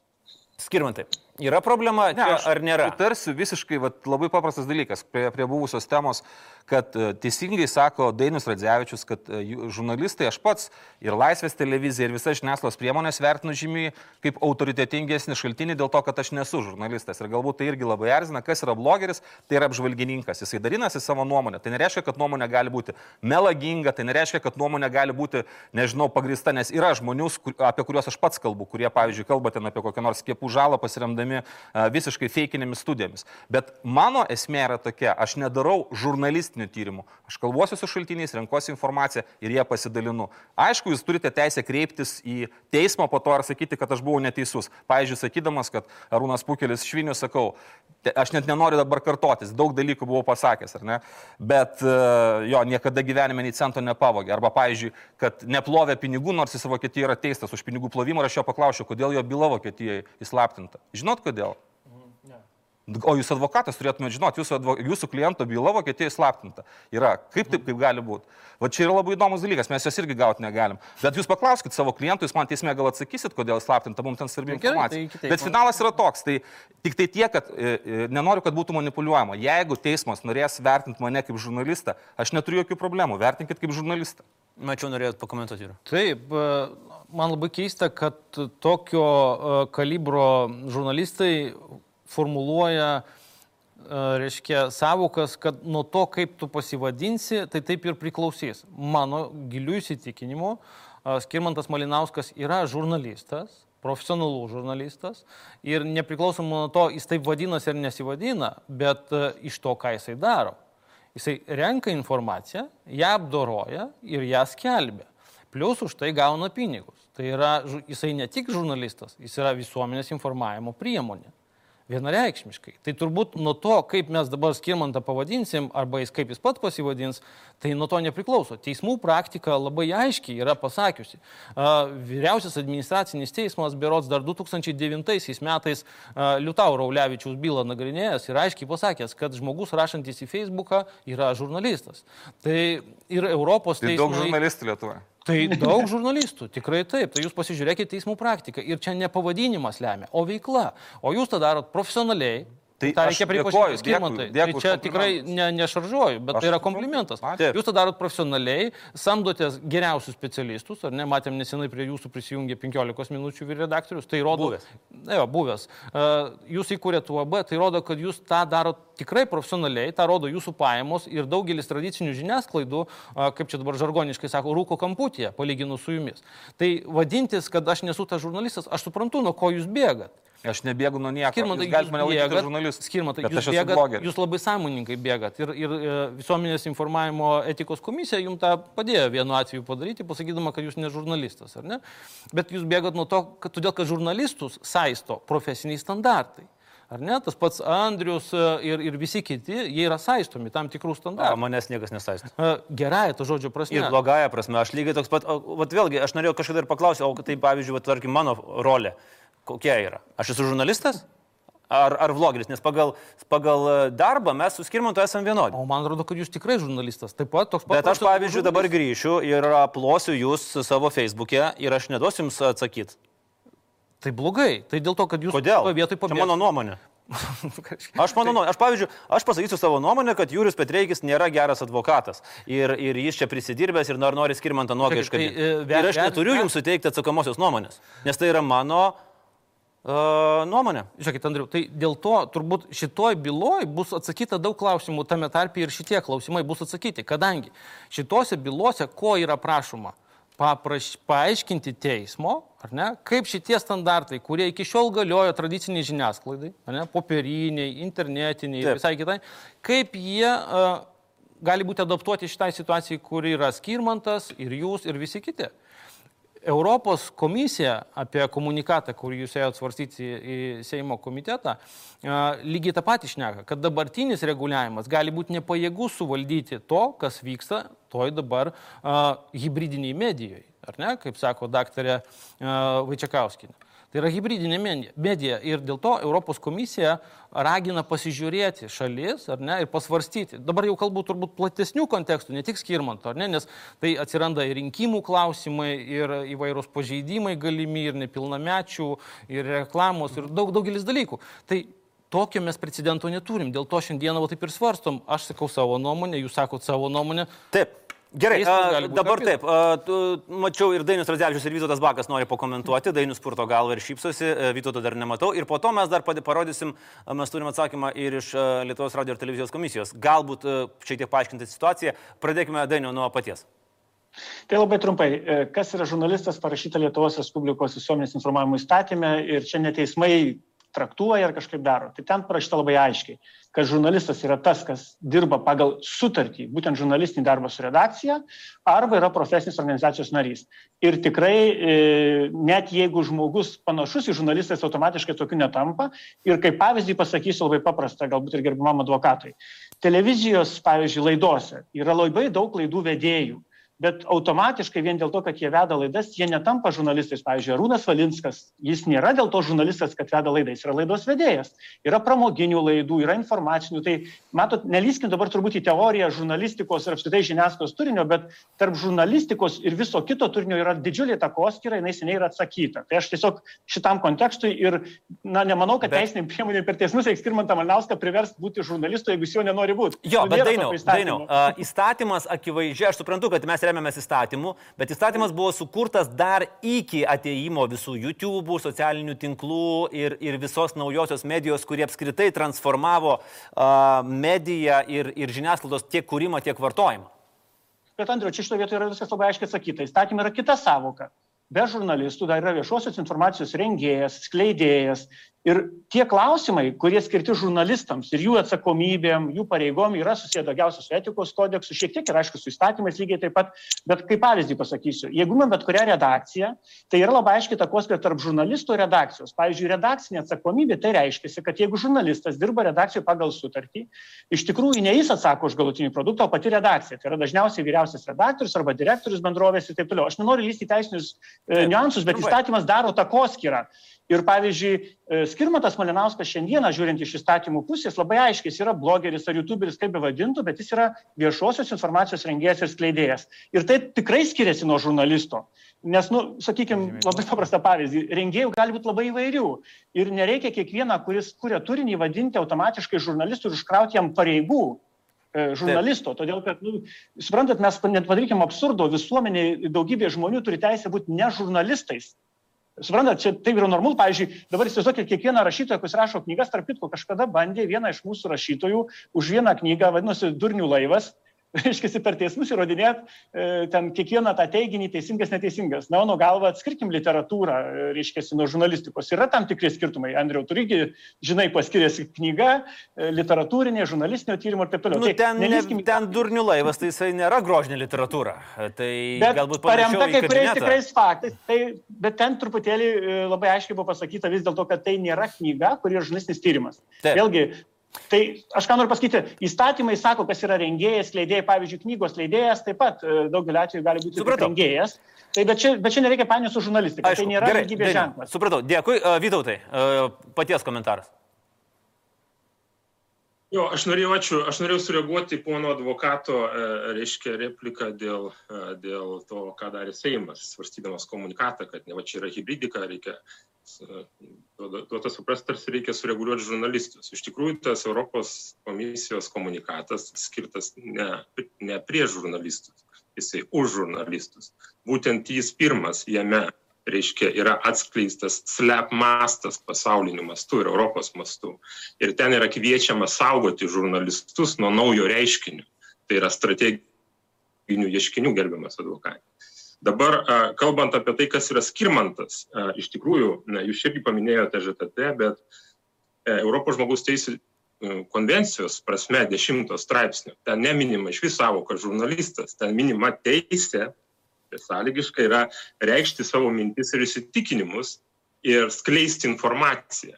Iš tikrųjų, reikšti nuomonę. Tai e, šioje vietoje svarbu tai, kiek, skirman, kiek kiekvieno iš mūsų nuomonė daro įtaką visuomenė šiuo atveju skirmanto nuomonė sukelia rezonansą. Jis seka, jis stebi, jis, reiškia, jo nuomonė netgi gali kurti pokyčius, kaip ir pono Valatkos nuomonė, ne, kada jis paskelbė, reiškia, nuotrauką su prezidento aplinka, o diplomatas jame buvo sureagavo, ištraukit mane. Iš tikrųjų, skirmanto veikla susiję su, e, iš esmės, visuomenės informavimu ir labai svarbių aplinkybių ir informacijos pranešimų visuomeniai.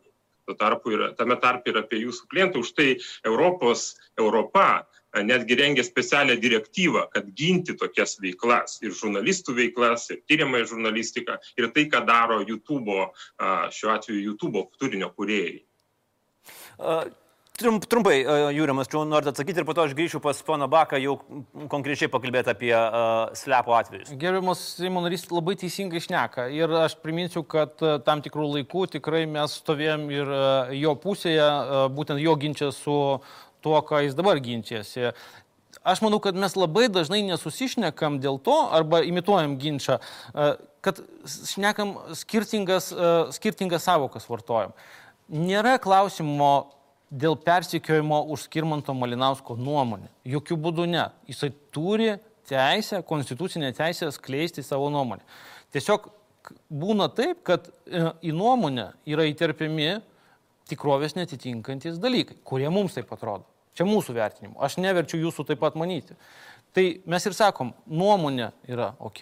Taip. Ši, dėl šito mes neturim jokių ginčių, nes tikrai nepersikiosim. Bet dėl šito prašau Galima vieną klausimą labai trumpą patikslinti. Prašau. Jūs uh, ieškinyje antram naudoja tokią formuluotę.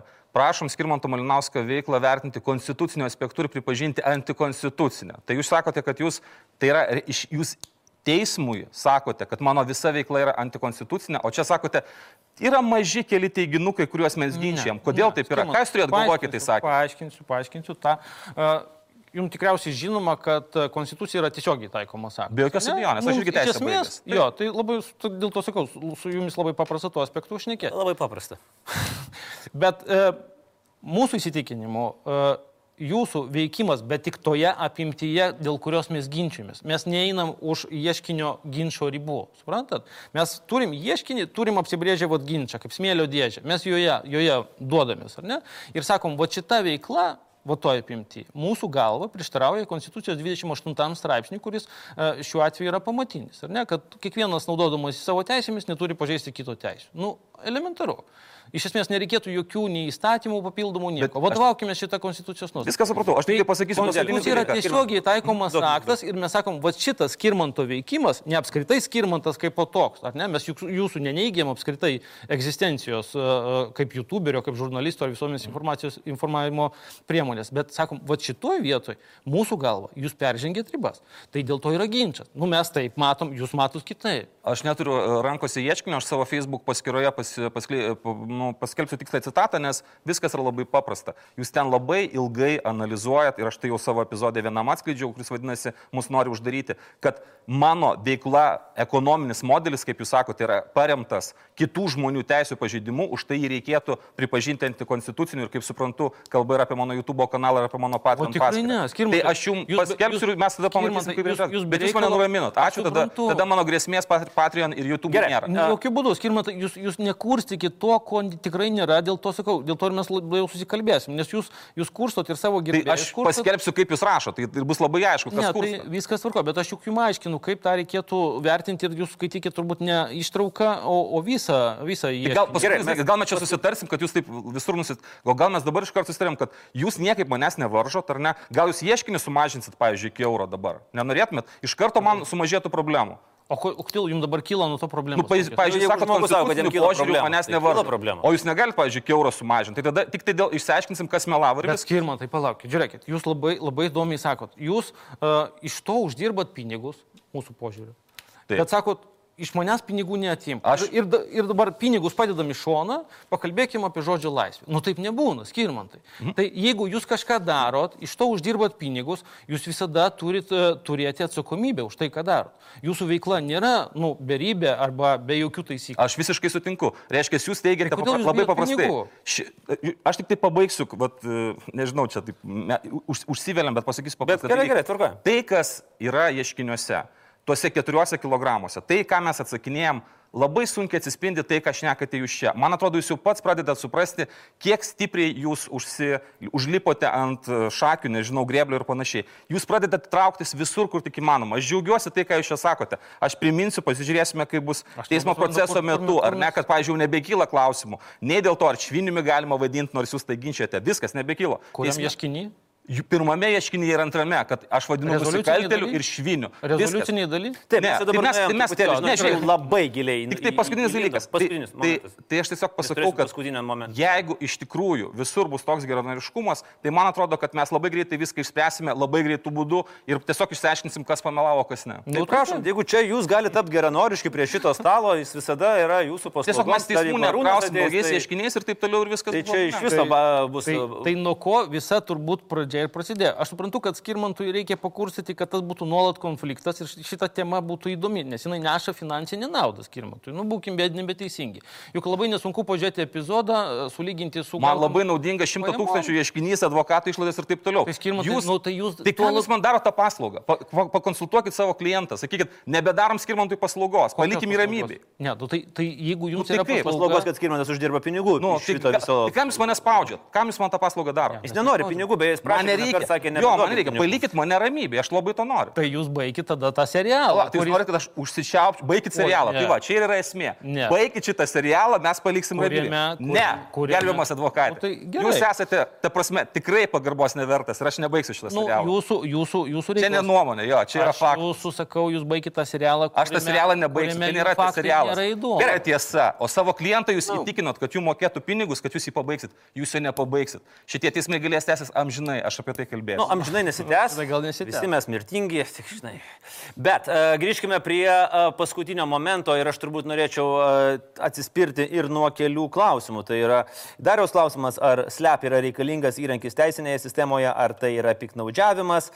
Uh, ir pakalbėkime apie būtent apie SLEP. Tai yra du atvejai, netgi sakyčiau, trys galbūt atvejai. Tai yra pirmas atvejis, kurį mes ką tik išsamei aptarėm. Antras atvejis tai yra teisininkų kontoros Kobalt pretenzija žurnalistui Rimvidui Valatkai, kad jis uh, turėtų išimti iš savo Facebook'o platformos uh, štai uh, šią nuotrauką uh, su, susijusią su ambasadoriumi prie ES, na, norinčių tapti uh, Vygantų Jankūnų, uh, buvusių prezidento remėjų. Ir štai ši nuotrauka, kad atsitai tai yra uh, privatus nu, pažeidimas privatumo ir uh, turi būti išimtas. Uh, ponas Valatkas sakė, kad jis na, nenori uh, ilgų čia teisminių procesų.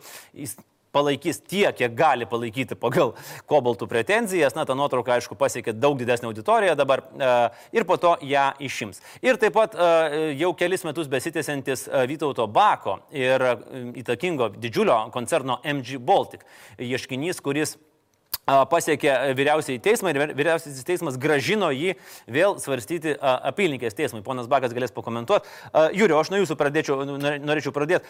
Ar šie visi trys keli ar nei vienas iš jų ieškinių atitinka ar netitinka būtent slepi apibrėžimą. Aš dar jį patikslinsiu, kad būtų aišku, apie ką mes kalbam. Tai yra, o, pamečiau vertimą, per, e, per tą, strategic per tą skubėjimą. Against... Stra, strategic lawsuit against public participation. Tai yra strateginis ieškinys prieš visuomenės įsitraukimą, kurio esmė yra išgazdinti, nutildinti, nutildinti ir prispausti. Kaip Jūs manote? Gerbiamas Andriau, aš ką tiksliai galiu pasakyti, ar ne, nes apie kitus ieškinius aš matyt čia spręščiau iš žiniasklaidos pranešimų ir man tas būtų sudėtinga spręsti, nežinant visos informacijos. Aš tikrai žinau, kad e, Arūno Pukelio ieškiniai tikrai nėra strateginiai ieškiniai ir galiu tą labai aiškiai pagrysti.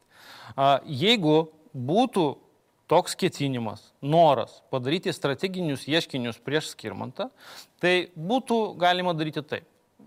Šitie du ieškiniai apima 11 epizodų. Ar ne? Tai buvo galima skaidyti, padaryti 11 bylų, ar ne?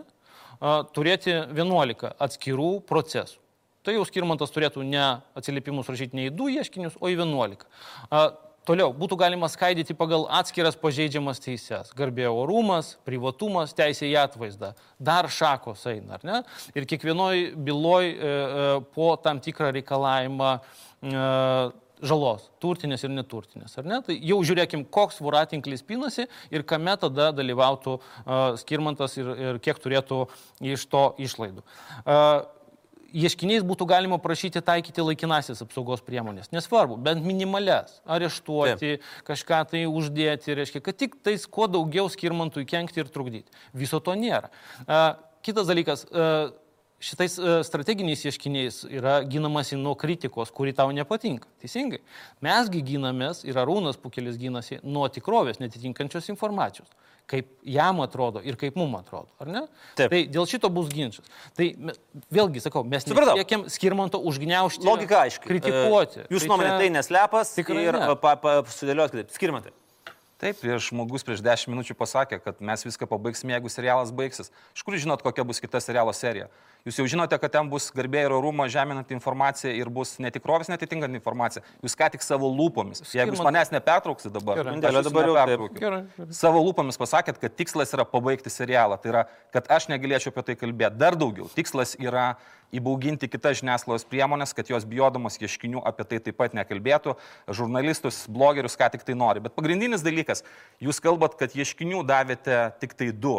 Dėl to, kad jūs net patys nesitikėjote, kad teismai nejungs. Jeigu jūs ateitumėt su 11 ieškinių, teismai be jokios abejonės juos sujungtų, jums neleistų piknaudžiauti. Turbūt ir su trečiu ar ketvirtu ieškiniu jau bus visai kitaip. Sujungti, Mes prašym sujungti, dėl to, kad Taip. bet kuris protingas žmogus, kuris kreipiasi į teismą, jisai nori, kad būtų procesas kuo greitesnis ir pigesnis. Tai ir tik tai slep atveju norima, kad tai jūs pats turėjote paprašyti, jūs turėjote sakyti, mano klientui būtų naudingiau ne du paraleliniai procesai, o vienas. Kodėl jūs dabar prašėte, kad būtų du? Mes prašėm atskirai, todėl kad jūsų epizodai buvo skirtingų laikų. Tai, bet žiūrėk, aštuoni epizodai skirtingi vienoje byloje. Vienas epizodas, čia ne detalė, čia yra slep. Kai jūs pamatėte, kad teisėjas priėmė, kaip mes jau dabar žinome, jau patvirtinta Vilniaus apygardos teismo, neteisėtą nutartį, tai jūs, pamatė, jūs pagalvojate, kad reikia tuo pasinaudoti. Aš suprantu, kad jūs galite vėl teikti. Jūs galite tai daryti per satelitus, ar ne Tomas Danilevičius ieškinį man ruošia. Tai irgi yra susiję lygiai taip pat su mano epizodais su Arūnu Pukeliu. Bet man yra ne problema. Mes išsikapstysim. Svarbiausia yra vienas dalykas - laimėti, antras Antras dalykas - parodyti, koks iš šito, e, e, iš šito proceso išeis Arūnas Pukelis. Gerai, uh, Vytautai ir uh, Dainiau, Vytautai, galbūt nuo jūsų pradėkim. Uh, štai kelios, uh, keli pavyzdžiai, na vieną labai išsamei išnagrinėjom, Rimvido Valatkos pavyzdį irgi pats paminėjot, jūsų atvejais. Slepai, neslepai, Ka, ir kaip vertinat, pavyzdžiui, advokato pastebėjimus, kad, pavyzdžiui, Pukelio ieškinys nėra slepas, o galėjo būti, nes būtų buvę 11 ieškinių. Matot, e, e, su SLEP e, reiškiniu Lietuva, tiesą sakant, susiduria ko gero tik per pastaruosius metus. Tai yra suprato, susiduria anksčiau, bet supranta per pastaruosius porą metų, kas su mumis vyksta. Iš esmės tie, reiškia, žmonės, ar tai būtų advokatai, tai stambios interesų grupės, kurie projektuoja tokius ieškinius ir jų taikinys yra iš esmės neteismo procesas ir neteisingumas klientas tokiais atvejais gali net neprašyti laimėti, nesitikėti laimėti procesą. Tikslas yra per teismo procesą supančioti žurnalistą arba tarnautoją. Jeigu jūs, pavyzdžiui, jeigu prisiminsite, buvo tokia Rubikon byla labai garsi, ne, 2011 metais ir ten tie stambus verslininkai baudžiamoje byloje ten tikrai, kur buvo įtarmi kyšininkavimu, jie padavė į teismą asmeniškai FNTT dvi pareigūnės, kurios rašė ekspertizės išvadą byloje. Iškėlė didžiulius ieškinius. Tik ne institucija, o dvi pareigūnės. Ir jas persikėjo teisme, jums kūrė daugybę problemų, jums reikėjo gintis, taip pat buvo ieškiniai. Ir aišku, tada e, mes taip pat įsitraukėme, mes supratome, kas vyksta, vyksta išpolis prieš pareigūnus, kad jie ateitie bijotų e, daryti ekspertizės. Tai net taikiniai ne tik žurnalistai. Tai yra iš esmės žmonės dažniausiai, ar tai būtų tarnautojai, arba, pavyzdžiui, aplinkosaugos entuziastai, e, viešo intereso gynėjai, ne, kurie iš esmės pajudina labai stambių e, interesus, dažniausiai neteisėtus, arba, na, ant balansuojančius ant, ant visuomenės išnaudojimo ribos. Tai pats procesas, jį nereikia žiūrėti kaip į teismo procesą, tą reikia suprasti. Jį reikia žiūrėti kaip į tam tikrą inžinieriją teisinę, kurie, kuri, kurios tikslas nutildyti oponentą. Pavyzdžiui, Rusijoje mes matome sodina į kalėjimus, ne? daro kratas, baugina žmonės. Slep atveju demokratinėse šalyse tai daroma subtiliau. Ta prasme, naudojamos teisinės savivaldos institucijos, kad taip pat nutildyti žmogų. A, didžiuliai yra daugiau psichologinio tokio teroro, va čia yra smurtas. Tas mes slep, kuria smurtą prieš žmogų, kuris rašo. Ar tai būtų blogeris, ar pareigūnas, kuris dirba savo darbą, ar aplinkosaugininkas. Čia šiais, yra... Šiais, Vytautai, šiais dviem konkrečiais atvejais, jūs matot slepus čia? Aš matau slepo požymius, pasakysiu, kodėl. Tai pirma, mes matėme e, galutinį tokį apibendrinantį e, pono advokato mintį apie tai, kad baigim serialus. Aš priešingai noriu pasakyti, o kas atsitiks iš tikrųjų, jeigu kiekvienas pono Skirmanto pasakytas žodis yra tiesa. Aš nežinau, ar gerbiamas advokatas dalyvavo, pavyzdžiui, praeitįje tarkim, darant nusikaltimus, kada jo klientas darė nusikaltimus, ar jisai žino, ką jis darė. Kitaip tariant, aš manau, gali atsitikti taip, kad šito serialo nutraukimas jo, gali padaryti žalos visuomeniai. E, užtildys ir užtildys, e, nu, blogerį žurnalistą, aš vis dėlto laikyčiau visuomenės tam tikrų nuomonės lyderių, reiškia, ir mes, visa visuomenė, neteks galimybės suprasti, kas vyksta svarbiuose srityse. Tai pirmas SLEP požymis tai yra bandymas ne išspręsti bylą, ieškoti teisingumo, o bandymas suvaržyti šiuo atveju blogerio veiklą. Jo, tasme buvo prašoma taikyti laikinasias apsaugos priemonės ir taikyti tokias, kurios yra negryžtamos, pavyzdžiui, ištrinti įrašus. Tai yra nu, negryžtamas dalykas, tu ištrinsi įrašą, atgal negražinsi. Tai toliau mes matome na, didelę sumą ieškinių. Europos žmogaus teisų teisme tokių ieškinių niekas nepriteisė. Mes matome a, irgi dabar tokį susifokusavimą, maždaug tu uždirbi pinigus ir todėl turi mums mokėti. Nes iš mano atvaizdo už, dirbi. Tai apskritai, aš nežinau, ne, ne, ne, proto sunku suvokti tokią argumentaciją teisinę, ne? nes visų pirma, žmogus atlieka savo visuomenės informavimo misiją tam tikrą, ne? o tik po to uždirba pinigus. Tai yra normalu. Tai aš matau uh, e, e, slep iš tikrųjų požymių.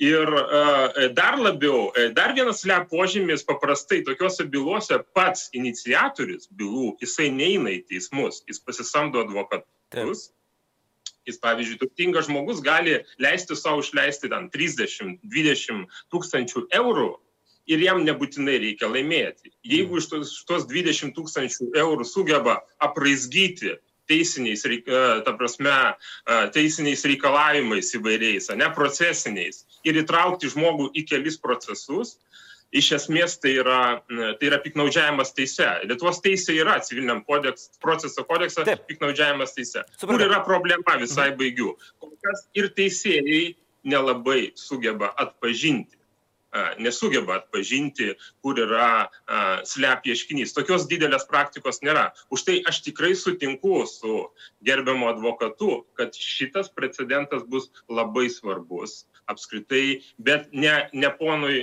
ne jo klientui bet mums kaip apskritai visuomenė, tiek, tiems... tiek identifikuojant, kas. Aš suprantu, Vytautai, taip.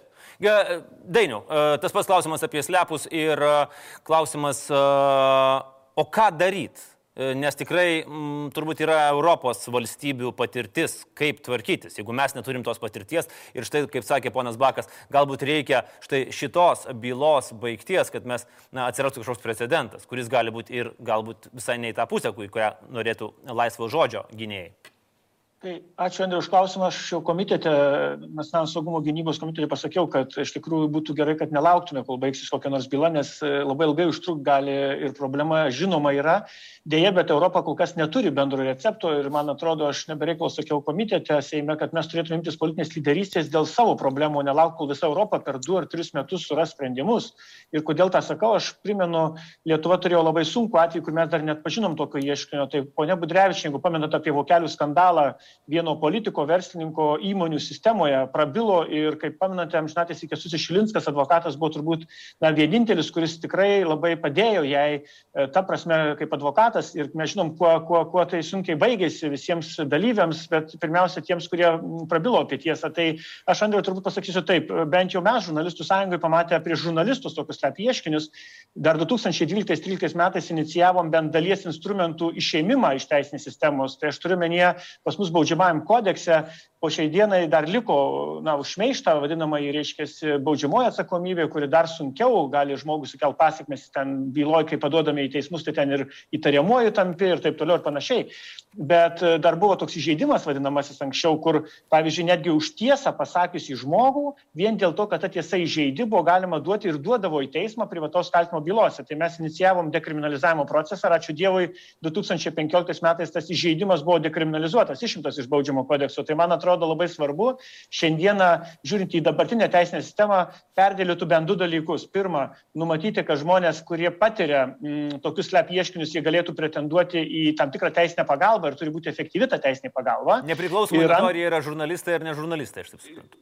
Ar... Todėl, kad čia kalba ne tik apie žurnalistus, dar daugiau Europos patirtis dabar rodo ir Amerikos patirtis rodo, kad dabar vis dažniau nukenčia nebe žurnalistai, redaktoriai, o nusitaikoma į visuomenės veikėjus, į nevyriausybinės organizacijas, į atskirius žmonės, piliečius, pavyzdžiui, mažose bendruomenėse, kurie... Nes jie neturi užnugario neturi užnugario, pavyzdžiui, vietos politikais, kartais su verslininkais, na, pavyzdžiui, paimkim kokį nors druskininkų ar širvintų miestą, įsivaizduojate, tengi mūsų žmonės, kurie, Taip. kurie neturi valdžios ir pinigų, jie jau dabar patiria beje įvairiom teisiniam priemonėm, bet net be tų strateginių ieškinių, pakankamai didelį spaudimą. Tai, tai čia labai svarbu identifikuoti ir kuo mes greičiau, nelaukdami ES bendrų taisyklių, man atrodo, žinodami savo praktiką, turim greičiau surasti sprendimus, kaip bent jau padėti žmonėms gauti teisinę pagalbą.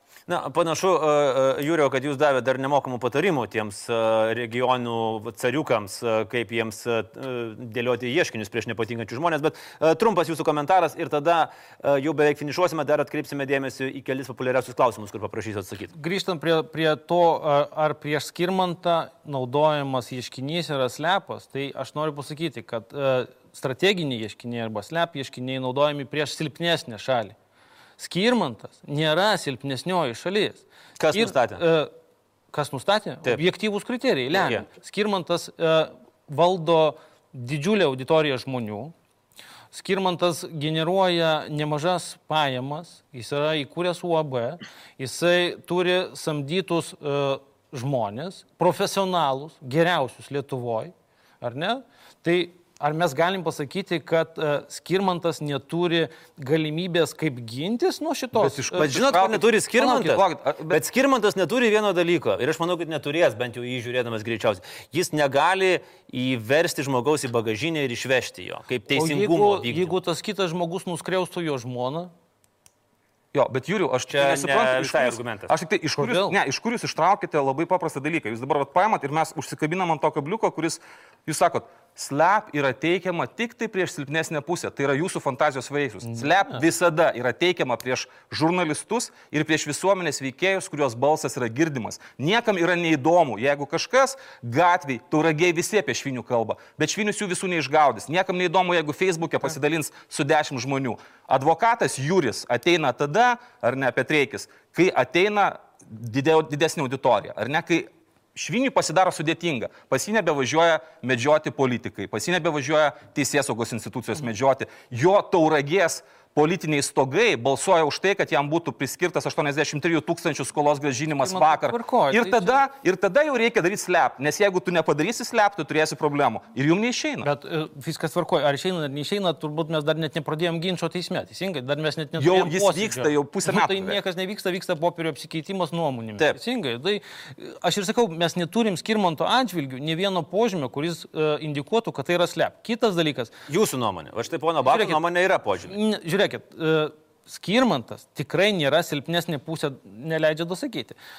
Jisai turi begalę pažįstamų, buvusi premjerą jis vadina Sauliumi ir draugu, ar ne? Tai sverkim iš karto, ką, ką kitoje vietoje turi. Silpnesnė pusė neturi būti, tai nėra ieškinio. Apie ką jūs kalbat? Visi, pavyzdžiui, CNBC, dabar buvo garsi istorija, kai Trumpas į žurnalistą kreipėsi. Visą laiką, čia jūs pasiemat kriterijų, kurio neegzistuoja teisė. Nu, kaip neegzistuoja? Slap yra susijęs ne su silpnumu pusės, o su viešumu. Ar jūs tą suprantat? Tai aš puikiai suprantu, bet... Tai jūs mane bandot nutylyti dėl to, kad aš viešai kalbu, o ne dėl to, kad silpnesnis. Stengiamasi silpną pusę palaužti. Teisingai, nes jinai neturi resursų, neturi žmogiškųjų resursų, neturi pinigų, neturi ryš, Юрій, що а, а, kas padėtų užimti, gintis. Stengiasi žurnalistus užimti stengiasi... tam, kad jie neturėtų tam laiko. Bet sakau, man pats svarbiausias dalykas, tik tai rezumuojant, suprantat, kai tu kalbėjai, pavyzdžiui, studijoje, čia būtų, pavyzdžiui, ponas Pukelis, mes būtume daug įdomių dalykų išsiaiškinę. Dabar mes girdime kažkokį numetamas kabliukas ir mes aiškinamės apie formuluotę, kuri yra pačio advokato formuluotė, apie informacinį smurtą, jūs girdėjote, kad to nėra. Ir man tai jau yra slep, aš turiu gaišti savo brangų laiką šitom nesąmonėm. Aš per tą laiką, laidą. aš galėjau, bet jūs tada sėdėtumėt vienas būtų labai liūdna. Aš geriau tą laiką būčiau skirtas naujam epizodui apie pukelį, kuris išėjo šeštadienį. Gerai, nu tai mažiau skirmantai pamiegosit, padarysit epizodą. Mačiau, Vytautas Bakas norėjo dar trumpą komentarą. Ar ne? Jo, jo, tai yra, Prašau. jo, norėčiau, jeigu galima, e, visiškai yra netiesa, kad yra prie silpnesnė pusė, slep ieškiniai nukreipti prieš demokratiją. Tai yra, nu, ar galima taip pavadinti e, silpnesnėje pusė, tarpsme, slep ieškiniu tu gali parklubdyti bet kurias redakcijas. E, vien dėl to, kad reikia ne redakciją išimti kaip juridinį asmenį arba instituciją, o tu imi žmogų konkretų, kuris daro konkrečius darbus, tarkim, visuomenės lyderį, žurnalistą, jis gali turėti didelę auditoriją, bet slep tikslas ir yra supančioti stiprius žmonės, kurie gina viešą interesą. Tai čia to, e, slep ieškiniai skirti nesilpniems žmonėms, jie Taip. skirti silpniems žmonėms, jie skirti demokratijai žudyti, ta prasme, Supratau. ir žodžio laisviai naikinti, gniaužti. Tai čia gerbiamas advokatais neteisus. Gerai, dėkui, labai trumpą komentarą, Jūriu.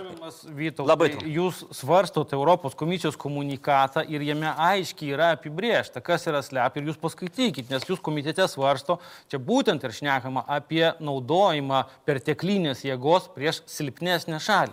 Tai ką tada Seimas svarsto. Vat ką- ką? Taip, va, pasižiūrėkit. Nežiūrėk, dabar pacituokit Tai tiesiog. galiu pacituoti. Taip. E, Tai nepagristi arba pernelik išpūsti ieškiniai, kurios reiškia valstybės institucijos, verslo įmonės ir galingi pavieniai asmenys prieš silpnesnius subjektus. Mhm. Toliau. Kurie tokius pareiškėjus kritikuoja arba teikia jiems nepalankiai informaciją su viešojo interesu susijusiais klausimais. Jie siekia cenzuruoti, įbauginti ir nutildyti kritikus, juos apkraunant teisinės gynybos išlaidomis, kol jie nustoja kritikuoti ir prieštrauti. Tai absoliučiai Tai šitas būnimas. Man tai Tai atrodo, cenzuruoti, apkrauti išlaidomis ir taip toliau. grįžkim prie, grįžkim prie silpnesnių. Tai jūs vieną žodį pasiemate, Nu, tai ne vienas, skirman, tai nu, ne vienas, skaitau visą Tai pastraipą. visas yra klasikinis apibūdinimas šitos situacijos, Vytauto bako situacijos prieš džibotą. grįžtam prie to paties, Skirmantai. Mes nesiekėm jūsų uždrausti jums kritikuoti arba kalbėti savo nuomonę reikšti. Mes siekiam uždrausti kalbėti netiesą. Gerai, mes Tam išsiaiškinsim. tikroje apimti. Nu, tai mes tą jau laidos pradžioje. labai atsiprašau, bet paskutinis dalykas. Jeigu paaiškės po šitų ilgų metų metus trunkančių ginčių, man jie kainuoja didžiulius pinigus. Jeigu paaiškės, kad aš sakiau tiesą, ką jūs padarysit? Ponas Pukelis išeis viešai, kompensuos man laiką šitą stresą ir taip toliau. Žiūrėkit, Skirmantai, įstatymai tą labai aiškiai numato.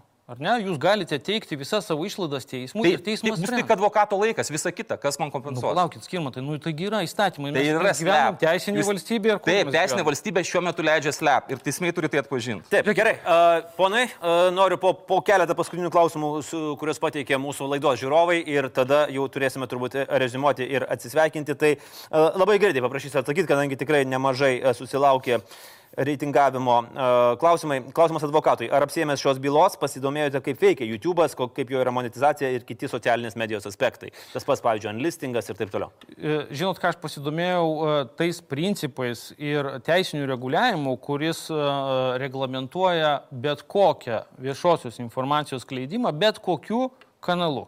Tai šituoje vietoje, mano galva, e, man užtenka tų teisinių žinių, reglamentavimo, kuris reglamentuoja viešosios informacijos paskleidimą į viešumą. Taip. Tai mano galva, man to užtenka. A, tikrai tų dalykų, technologinių, techninių dalykų tikrai nesuprantu, bet žinau pas ką paklausti. Aš tik tai galiu pavyzdį parodyti, manęs yra prašoma ištrinti epizodą ne mano paskyroje, tai yra Ai, on play, on LT. play arba ištrinti iš Patreon, kur Patreon apskritai neleidžia įdėti, tai yra tik tai nuorodos. Tai va toks lygis yra mm. pasidomėjimo. Gerai, klausimas, anoniminis klausimas pačiam, Skirmantai. Ar Dainius Radzevičius netikėtai stojo jūsų pusę šioje laidoje, nes Facebook komentaruose jį galbūt bauginote, kad kursite video apie jį ir jeigu jums kas atsitiks, jis bus kaltas. Aš sureagavau Dainiaus Redzevičius kažkada, kad nestok e, pusėje Arūno Pukelio e, tauragės kurjerio, nes mano galva tai yra ta pusė, kuri jau mano epizoduose įrodyta, e, nėra pusė šviesos. O taip, bet kuriuo atveju aš esu pasakęs tą frazę, aš to visiškai neslėpiu. Jeigu, aš, jeigu man kažkas atsitiktų, aš manau, kad ponas Pukelis ir, pavyzdžiui, ponas Petreikis būtų prisimenamas kaip advokatas, kuris kažkada Dekanidze gynė nuo Vito Lingio. Aš tikiuosi, kad taip nebus, aš savęs nelyginu su Vito Lingiu. Bet tai, kad Ponas Pukelis, ir aš sakau tai atvirai, ko teismai nesupranta, yra itin pavojingas žmogus. Dėl ko tie žmonės aplink mane susirinko? Dėl to, kad jie bijo. Jūs, jūs tai yra, tie žmonės supranta, kokia man e, e, grėsmė grėsia. O jūs, va tavot žmogų, kuris darė tiek daug nusikaltimų, ar ne? Jūs jį ginate ir taip, jūs, jeigu man kažkas atsitiks, Tai mano neturi šeima, teisės į sudegs, sudegs automobilis, žmonės turi prisiminti jūs irgi. Tai jisai neturi teisės į gynybą, ta prasme, Jis apskritai. turi, pirmiausia, Visi je- turi teisę. jis turi jis turėtų teisę, gintis? žmonės, aukos jo turėjo teisę išsaugoti savo turtą, išsaugoti savo sveikatą. Pirmiausia, jis turėjo Skirmantai, teisę čia- nugyventi gyvenimą be septynių teistumų. O dabar ką jisai daro? Tai yra, kai aš apie tai pasakoju, apie jo istoriją, jisai dorojasi su manim, jam nepavyks, bet yra riba. Yra riba, bet yra riba. Pasakykit. Jeigu kažkas atsitinka man arba mano artimiesiam, aš sakau, jūs stovite toje pusėje, kas bus už tai atsakingas. Taip.